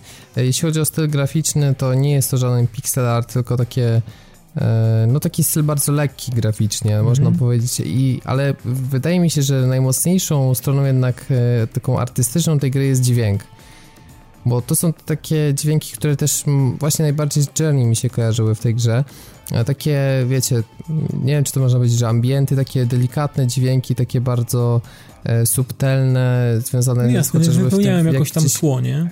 dokładnie, gdzieś klikamy, ale taki drobny smaczek, który no rewelacyjnie to działa, że jak mamy na przykład do przesunięcia jakąś platformę, e, to, to jakby jest zaprogramowane tak, że załóżmy możemy o 6 klocków przesunąć e, daną platformę, żeby przejść i te 6 klocków to będzie 6 strun na gitarze i na przykład każde przesunięcie to jest tak, wiesz, delikatnie po prostu ktoś tak jakby grał na gitarze i to dopasowywał. Jak szybko przesuniemy platformę, no to, to szybciej e, struny na, e, na gitarze przejdą. Mhm. Więc to jest takie świetne wkomponowanie tego w muzykę i, i to w zależności od tego, jak wyglądają te kształty, to różnie ta muzyka działa. I to jest taki drobny patent, a niesamowicie mi się spodobał właśnie, że tym samym przesuwaniem platform sobie robimy trochę ścieżkę dźwiękową gry jakby. Naprawdę, ba bardzo fajnie to wymyślili i tak samo super to działa. Jeśli chodzi o długość gry, to jeszcze nie przeszedłem, ale słyszałem, że jakoś specjalnie nie urywa w tym aspekcie, że Ale to są, Robert, jakieś plansze? Robisz jakąś planszę, coś robisz i po prostu idziesz dalej, tak? Czy no generalnie... Tak, są plansze, ale one się bardzo szybko rozbudowują, bo e, ja już doszedłem do takiego momentu, że to nie jest tak, że tylko chodzimy jakby mm, na tej podstawowej płaszczyźnie, tylko już zaczyna się takie chodzenie po ścianach i też e, obracanie tych obiektów wokół Aha, tej osi kumam. takiej powiedzmy nie pionowej, ale poziomej, nie tak jak z- Mhm. równolegle do ziemi załóżmy i obracasz, nie? Kumam, kumam. Więc, więc już y, zaczęło to być bardziej skomplikowane i to jest też tak, że wydaje ci się, że poziom jest na przykład krótki, ale dochodzi do pewnego momentu, no i on się rozbudowuje. I to też nie jest tak, że na przykład zaciemniać się ekran i pojawiać się znowu, tylko e, zaczynają żyć te plansze, coś się wysuwa, otwiera się jakiś most, przechodzić do kolejnego etapu. Bardzo fajnie to wygląda. I ogólnie całe to nastawienie na tą wertykalność jest y, szczególnie widoczne w, w samym koncepcie, że gra się tylko i wyłącznie pionowo na iPadzie. Nie Aha, ma tutaj możliwości trzymania w poziomie, nie. Gramy tylko i wyłącznie w pionie i no, to jest koncept, no, wydaje mi się, że jest wygodnie i to absolutnie nie przeszkadza celowy zabieg twórców. Naprawdę bardzo ładna gra, link będzie tak jak mówiliśmy w, w, we wpisie podcastu, także zachęcam do sprawdzenia. Jeszcze powiedz tylko jaka cena, bo to też jest ważne. 3,59 bodajże. Czyli dość wysoka, Więc nie? Jak na Jest to dość wysoka, gierkę. więc jeśli ktoś nie jest aż tak ultra zajarany tym, Euro, tak, Bo- tak. tak, euro, to poczekać na, na przecenę, bo pewnie będzie przy jakiejś lepszej okazji, ale jak się komuś spodoba naprawdę i lubi właśnie gry takie w stylu Feza czy Journey, czy ogólnie takie właśnie gry trochę logiczne, takie zręcznościowo-logiczne, naprawdę super ciekawy tytuł, dawno nic takiego nie widziałem na mobilkach i póki co naprawdę, naprawdę bardzo mi się przyjemnie w to gra i polecam. Jasne. No dobra, chłopaki, to teraz mm, rzecz, która u nas się zdarza mm, no, wyjątkowo rzadko, że gramy w rzeczy mm, z Kickstartera, a już przed premierą to już, to już, to już w ogóle w ogóle. No i mm, szczególnie Wam, bo ja generalnie możliwości nie mam, udało się zagrać e, w jedną gierkę, która się nazywa Red Solstice. Chłopaki, jakie Wasze wrażenia są i generalnie czy uważacie, że to w ogóle ma szansę bytu taka gra i czy, to, czy jest, jest, jest szansa, że wyjdzie coś z tego ciekawego? Nie wiem, wybierzcie kto pierwszy. Może ty No, Tomek. Powiedz, to może ty ja bo teraz Robert ostatnio. gadał, to, to Tomek. No. Jakie twoje wrażenia ogólne? Jak to odebrałeś? No, moje wrażenia są takie, że ta gra ma jakiś, jakieś ziarno potencjału. A powiedzmy ma. najpierw, jako, jakie ma założenie, co to jest? Co to- wyobrażenia. co to to jest? jest? E, Chodzi o to, że mamy grupkę, e, nie wiem, komandosów, nie komandosów. Generalnie to Je- się wszystko dzieje gdzieś w przyszłości, to jest jakiś taki, taka futura niezła. nie? Może, na, może, w przyszłości, może w przyszłości, może No na tak, jakiejś innej niby planecie. rok, no chyba tak, 2060 tam coś było. Takie powiedziałbym, wiecie, generic futura, nie? Tak, tak, Mhm. tak, tak, tak. Coś takiego, że przeczytasz i od razu zapominasz o co w ogóle tam chodziło. Mniejsza Okej, o to. okej. Mniejsza o to. E, są, jest jakaś nie wiem, powierzchnia planety, jak, jakieś bazy, jakieś, jakieś e, futurystyczne budynki. Masz grupkę komandosów i oczywiście obcych, którzy e, z różnych kierunków cię atakują. Chodzi. Rozryw, rozgrywka sprowadza się do tego, że rozwalasz hordy obcych. Mówiąc krótko. E, oczywiście każdy z komandosów ma, może pełnić tam jedną z, jedną z czterech ról, przynajmniej w multiplayerze. Znaczy wiesz co, o klas chyba było 8, tylko że nie mieliśmy jeszcze wszystkich dostępnych. Możliwe, możliwe. Ja A z tego co cztery, widziałem na ale Kickstarterze to docelowo ma być, bo my w ogóle graliśmy y, w alfa wersję gry. wersja alfa. Tak, tak, Więc Więc- jakby wiadomo, że nie, nie będziemy się czepiać, że tam, nie wiem, czasami przez ściany y, się dało strzelić, albo wrogowie przechodzili przez ściany, albo że nie zawsze się szło w, dokładnie w tym kierunku, jakim trzeba i że postać potrafiła tak jakoś się dziwnie zablokować, to jakby jest roz, zrozumiałe na tym etapie. Natomiast było kilka takich błędów, y, powiedziałbym, natury koncepcyjnej, które no, są absolutnie do poprawy, żeby, żeby coś z tego było. E, Pierwsza rzecz taka, która się wyrzuca najbardziej, to jest moim zdaniem sterowanie. I dla mnie to było podwójnie trudne, tak jak gadaliśmy sobie też przed podcastem, bo ja generalnie jedyne w co gram na myszce tak naprawdę to jest SimCity i to resztę gier PC-owych e, og- ogrywam sobie na szpadem, padzie. 60. To jest moje, dokładnie, to jest moje naturalne środowisko grania i no ciężko jest, a tu nagle się okazuje, że gra, w której no przede wszystkim klikamy, ale też klikamy w sposób dziwny, bo brakuje tam konsekwencji. Raz trzeba klikać prawym i to jest jakby taki przycisk akcji, lewy jest czasami potwierdzeniem, e, jak idziemy w jakieś miejsce, to też klikamy prawym, z drugiej strony kamera nie zawsze za nami podąża, więc trzeba sobie ją ręcznie przesunąć, Za- albo myszką, albo wsadem. W zasadzie to nigdy za nami nie podąża i ja nie wiem właśnie, co kierowało twórcami, e, żeby zamiast kamerę usta- zamiast zrobić tak, żeby kamera była wycentrowana na twojej postaci e, Żeby to było tak jak czas. w Diablo, że, że i rzut pod- izometryczny i kamera za tą leci, To, nie? to jest właśnie to pierwsza rzecz, którą powiedziałem Robertowi. Kurna, gdyby całe sterowanie przemodelować kompletnie i zrobić jak w Diablo, ta gra miałaby ręce i nogi. Tak, a po- powiem jeszcze, że nawet takie pierdoły jak, słuchaj, masz zwykły suwak głośności muzyki i dźwiękach, dźwięków w grze. No tak. No to jak, e, wydaje się nic prostszego, tak, wchodzisz w opcję, klikasz na ten pasek, przesuwasz sobie i masz ustawione. Tak. No nic bardziej mylnego. Tutaj jest tak, że wchodzisz w tą opcję i musisz tak prawym przyciskiem dać na minus, lewym na plus, czy, czy odwrotnie. I musisz po prostu klikać na przykład 10 razy prawy i wtedy o 10 poziomów obniżysz gło- głośność. Tak, a żeby, żeby do tego dojść, to kilkadziesiąt sekund e, z, Myślenia z. Robertem kombinowaliśmy, jak to zrobić. Myśleliśmy, już myśleliśmy, że nam to, napieprzała muzyka i nie słyszeliśmy się prawie, a chcieliśmy po prostu no, pograć w Tak. koopie i, Tak. i był to problem. Tak, a już myśleliśmy, że to jest błąd. Okazuje się, że nie, że tak ma być. E, Więc takie proste rzeczy, no y, ogólnie ten cały koncept, że raz prawym, raz lewym, ja się przyznam totalnie pogubiłem i, i to jest jakby do zmiany. Jeśli chodzi o to, co robić w tej grze, dlaczego coś robimy, szczególnie w tym multiplayerze i na czym polegają te fale wrogów, też przyznam, że do końca tam się nie udało rozkminić i e, to pozostaje trochę zagadką. Ra, wydawało się, że, że niby robimy to samo, ale y, za każdym odpaleniem to wyglądało nieco inaczej. Przydałoby się jakieś lepsze umotywowanie, ponieważ był taki moment, że nagle się pojawił jakiś ultra przeciwnik, który w ogóle był nie do pokonania, odporny na nasze ciosy, się leczył i nas po prostu zabił. Nie, właśnie tutaj, tutaj się nad tym, nad tym skupmy, bo przez większość gry przechodziliśmy jak przez masło. W ogóle jest opcja autostrzelania, gdzie e, ty tylko klikasz sobie, gdzie twój, twoja postać ma iść, ona sobie sama strzela, autoceluje do wrogów i ty nie musisz żadnych dodatkowych komend robić, tylko one so, ona sobie automatycznie strzela. Ale mieliście taki w miarę fajny feeling tego koopa? Fajnie się to generalnie razem No. jakoś ogarniało, czy też tak była jakoś z tym Wiesz jakaś co? bieda?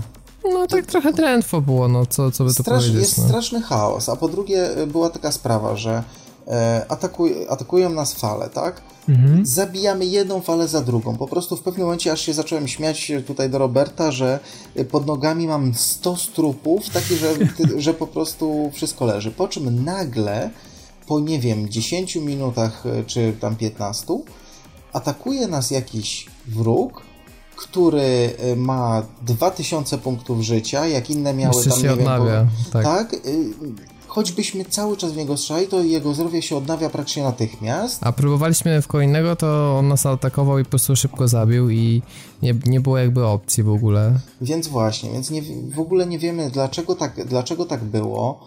W grze to też było tak niejasno wyjaśnione. To nie było praktycznie w ogóle wyjaśnione, od tego zacznijmy. Jasne. E, Inna sprawa, że e, twórcy starali się zrobić tak, żeby przedstawić e, mapy tak, jakby one miały, nie wiem, dwa czy trzy poziomy, że coś jest wyżej, coś jest niżej, ale to jest tak z takiej perspektywy zrobione, że Nie widać czy- tego, po prostu nie widać, czy idziesz niżej, czy wyżej, czy tam, tak. gdzie No, No, ta przyjdziesz, jest jakieś perspektywa się gdzieś tam przejście. traci, rozumiem, tak? Czasami, czasami myślisz, że przejście od jednego pomieszczenia do drugiego to jest po prostu kwestia trzech metrów, a okazuje się, że to drugie pomieszczenie to jest tak naprawdę dwa piętra niżej. A, okej. Dokładnie, i doku- to widzisz w ostatniej chwili, więc e, ta praca kamery rzeczywiście i umiejscowienie nie jest zawsze idealne. Natomiast z takich rzeczy pozytywnych dla odmiany, bo jedna rzecz nam się spodobała szczególnie, czyli pomysł taki, że ten rozwój postaci w multiplayerze jest dynamiczny, że załóżmy, tak dla uproszczenia mówiąc, że masz jakiś taki podstawowy level, w jakim startujesz w tym multiplayerze, statystyki, natomiast każde przejście fali powoduje, że dostajesz punkty umiejętności, które możesz rozdysponować.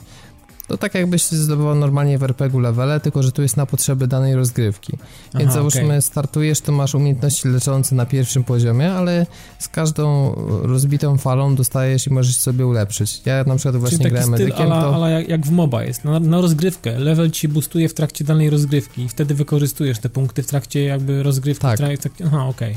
Tak, I to, więc... to wydaje mi się, że to, To fajne, to to jest fajne. ciekawy koncept i To- fajnie to działało. Natomiast jeszcze tutaj muszę o dwóch rzeczach powiedzieć. To znaczy, e, pierwsza, jest taka, że mm, ta gra teoretycznie chce nawiązywać i to widać do starych, dawnych produkcji. E, ale wydaje mi się, że ona nawiązuje w tych elementach, które były w tych produkcjach negatywne, e, a z kolei stara się być nowoczesna w tych elementach, tam, gdzie tak naprawdę nie, nie, nie ma takiej potrzeby. No przykład, przykładowo, cały, e, gdybym chciał obsłużyć cały ekwipunek e, klawiaturą, musiałbym mieć co najmniej trzy ręce. Kumam. bo, bo za każdy slot odpowiada inny przycisk. Te przyciski są w ogóle rozmieszczone z. Owszem, to się z tego co wiem da, e, da zmienić w sterowaniu, ale to domyślne sterowanie jest tak chaotyczne, tak Na rozrzucone przykład po jest, klawiaturze. sprint jest pod Y. Nie wiadomo tak z jakiej paki, ale po prostu tak jest. No, mimo, że chodzisz myszką i w sumie musisz tak, że klikniesz gdzieś na mapie, nie, że masz biec i musisz No jasne. cały czas trzymać Y, żeby szybciej pobiec. No tak, przykładowo. No to e, faktycznie takie mało, pierdoły, mało, no. mało wygodne i mało intuicyjne przede wszystkim. Nie to spodziewasz się tego tam, prawda? Tak, i co gorsza, nie ma absolutnie żadnych przesłanek, dlaczego to jest tak, y, tak udziwnione. To jest tak, jakby, to jest tak, jakby po prostu projektant nagle stwierdził, a kurwa, mam zły dzień, zrobię tak, żeby się ludzie męczyli. Nie, no naprawdę, to tak Jasne, wygląda. ja rozumiem, rozumiem. E, więc tak, no i ostatnia rzecz, czego mi przede wszystkim brakowało, w tej grze cholernie brakuje jakiejś głębi. To jest, y, ja tak naprawdę miałem odczucie, że tak gram, gram, ale tak naprawdę nie wiem nie wiesz dlaczego, i po co. nie wiem Mhm. po co, nie wiem jaki to ma sens. Tak samo te mapy, e, rozłożenie map, owszem, jest, e, są pomieszczenia, jakieś, są jakieś przedmioty, są, są ten, ale ja mam wrażenie, jakby ktoś po, po prostu zrobił taki e, podstawowy autogenerator, Tak, i w sumie gdyby był, to byłoby nawet lepiej, bo jakbyś za każdym razem odpalał i by się inaczej generowała mapa, to byłoby ciekawe. a tutaj te mapy ani nie mają punktów charakterystycznych, ani nie mają jakichś takich, nie wiem, miejsc zapalnych, gdzie na przykład, nie wiem, więcej jest tych, tych wrogów, tylko to jest po prostu taka randomowa sieć uliczek, ścian, drzwi i, i tyle. No jeśli chodzi o wygląd, to ta gra jakoś specjalnie rzeczywiście Też. wygląda tak trochę powiedzmy typowo, jak taka gra ze No, Ale nie jest, jakiś, to, nie jest to jakiś archaizm, nie? Znaczy, czy jest trochę jest, ale mm, no nie przesadnie. Ja powiem tak, y, chyba z Tomkiem mieliśmy wspólnie takie wrażenie, że można by się pokusić o zrobienie tej gry na mobilki. I wydaje mi się szczególnie, że jest ten mechanizm auto-aima, że tak naprawdę my musimy tylko klikać gdzie mamy iść i używać umiejętności, natomiast ta podstawowe strzelanie sama postać wykonuje. Mhm. E, Też w połączeniu, że często to sterowanie polega, że coś zwiększamy, coś zmniejszamy, te suwaki i tak dalej, to by się pod dotyk nadawało i moim zdaniem tego Steama mogliby sobie podarować albo tylko jako bonus i wydać też na App Store'a i Google Play'a. Myślę, że przy odpowiednim przemodelowaniu sterowania i e, doszlifowaniu pola- paru elementów, to e, i dalej ten multiplayer trzymanie, to mogłoby być ciekawe. To by miało sens. Natomiast nie wiem, jak będzie z tą kampanią, bo mm, twórcy się tam zarzekają, że będzie rozbudowana, ale tak się zastanawialiśmy, no w sumie w takiej grze poza, wiesz, jakimiś tam boksami z tekstem i robieniu tego samego, co można wymyślić, jeśli chodzi o fabułę, więc też nie jestem pewny, czy, czy w ogóle, wiesz, nacisk na kampanię na single playera ma sens, czy nie lepiej byłoby większą różnorodność do tego multiplayera tutaj wprowadzić i po prostu na to postawić. Ogólnie rzecz biorąc, gra wygląda jak taki e, bardzo wstępny koncept jakiejś tam gry, natomiast e, no, jest naprawdę ogromna, bardzo, bardzo, bardzo długa droga przed twórcami, jeżeli cokolwiek, e, ja nie mówię świetnego, ale przynajmniej znośnego miałoby z tego wyjść. Tak, Jasne. aczkolwiek e, najlepiej, żebyście sobie sami sprawdzili. Można z tego co wiem pobrać demo, gdzie jest tutorial za darmo, także to brawa dla, dla twórców, że udało im się stworzyć już działający projekt. Mm, e, Projekt jest na Kickstarterze, przypominam, nazywa się The Red Solstice, czy Solstice, nie wiem jak to się czyta. E, I póki co e, zebrał 25 tysięcy dolarów z wymaganych 50. Zostało 13 dni do końca, więc jeśli chcecie wspomóc chłopaków, no to link też będzie w wpisie do podcastu. Jasne, ekipa się nazywa Iron Ward i oni są z, z Chorwacji, z, Zag z Zagrzebia chyba, nie? Zagreb Tak. chyba, oni stamtąd, stamtąd Tak, po polsku się tak mówi. Mhm. No, także, także tyle, jeżeli chodzi o produkcję z Kickstartera. Dziękujemy Agnieszce Szósta, która e, można powiedzieć zapewniła nam możliwość pogrania, znaczy chłopakom, nie, może nie nam, ale chłopakom w trybie multiplayer, żeby mogli właśnie wam powiedzieć trochę o tej grze. No dobra chłopaki, dalej mamy co? Dalej mamy premiery już można powiedzieć. Nic więcej nie graliśmy, znaczy graliśmy, ale ja gram, odkrywam na nowo Hotline Miami, ale... Ja e, grałem w Brothers. A, Robert Down Brothers. tak, także A to przyjemne. katujesz Rosa, co? Czy nie Rosa? Nie, wiesz co, ja ostatnio e, troszeczkę na, mobilki, e, na mobilkach grałem, ale to tylko tak w przerwach, bo troszkę tekstów do napisania, Aha. a tutaj... Age of Wonders też nie na razie. Nie, nie, nie, po prostu muszę znaleźć dłuższą chwilę, żeby, Jasne. żeby do tego przysiąść, bo...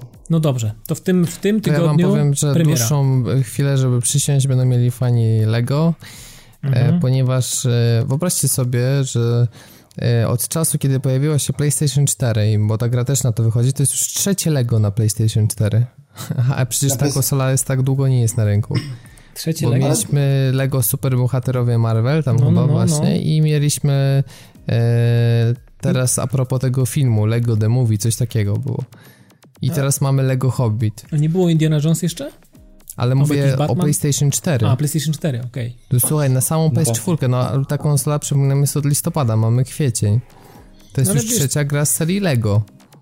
To, to, No, tak, to jest łatwo się, tak, tak łatwo robi się tą grę? Tak łatwo, widocznie tak się łatwo robić tego. Może jest jakiś w Wiesz. miarę fajny silnik, wymieniasz setting, robisz klocki, inne klocki, inne kolorki, No, inne story tak Ja wiem, że są fani i tak dalej, szczególnie właśnie, że to jest gra Dzieciaki bardzo, dla bardzo rodziców, żeby Lego. z dzieciakami Tak, mogli sobie tak, pograć w koopie lokalnym, bo gra właśnie koopa kanapowego stawia przede wszystkim.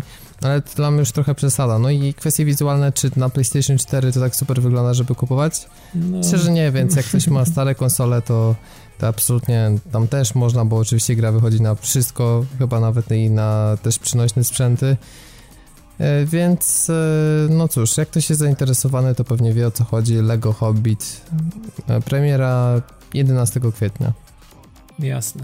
Myślę, że tyle. No ja nie jestem specjalnie fanem. No ja, e, ja też chyba nie będę tutaj silił No na jakieś raczej na tej a gry nie kupię gry. PS4 jeszcze. Także PS4 czeka w takim razie, jeszcze w kolejce. No dobra, chłopaki, mm, tyle na dzisiaj. Standardowo na koniec. y, I aha, mówiłeś o premierze 11 kwietnia. Mówiłeś, tak, że to 11 kwietnia. 11 kwietnia Tak. właśnie to Lego. Y, y, I teraz maszyna losująca, którą obsługuje Tomek, ma już nawet specjalne papiery na to. Wypluła następujące numery: 1, 5 i 10. Więc czytamy 1, 1. Kto jest pierwszy? Michał Wojciechowski, pozdrawiam słuchających podcasta w pracy. My również pozdrawiamy, mam nadzieję, że pracuje Wam się przez to lepiej, czas Wam szybciej mija, no i generalnie chętnie sięgacie po, po, nasze, po nasze odcinki. Kolejny był piąty, jeden, jeden tak, jeden, pięć, dziesięć, dobrze przeczytałem? Jeden, pięć, dziesięć. E, raz, dwa, trzy, cztery, pięć. Rafał Krzysztof Jaworski. Pozdrawiam maszynę losującą oraz jej operatora. Niechaj PC to w głos rozbrzmiała w podcaście. No o, i podziękować. Proszę, proszę, proszę. Widziałeś, Tomku, załapała się tutaj elegancko. I dziesiąty teraz mamy. 6, 7, 8, 9, 10. Proszę, Aleksandra Dzik. Pozdrawiam tajemniczego redaktora SPAD TV. Niech więcej pisze.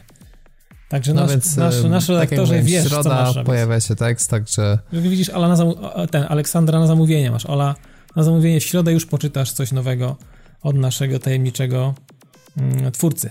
To co, chłopaki, kończymy? Kończymy. Wypadałoby. Kończymy. Kończymy. No dobrze, ja nazywam się Dawid Maron, prowadziłem ten odcinek, a ze mną w, w ten niedzielny wieczór był jeszcze Robert Jałkowski. Dziękuję bardzo. I Tomek Dietrich. Trzymajcie się, cześć. Pamiętajcie o padtv.pl, o naszej grupie facebookowej, o Retro Rocket Network GRM Radio, które daje nam co tydzień fajne kluczyki na gry i o tym, że zimne piwo smakuje najlepiej w Łodzi w Insert Coinie. A my standardowo słyszymy się za tydzień. Do usłyszenia. Cześć.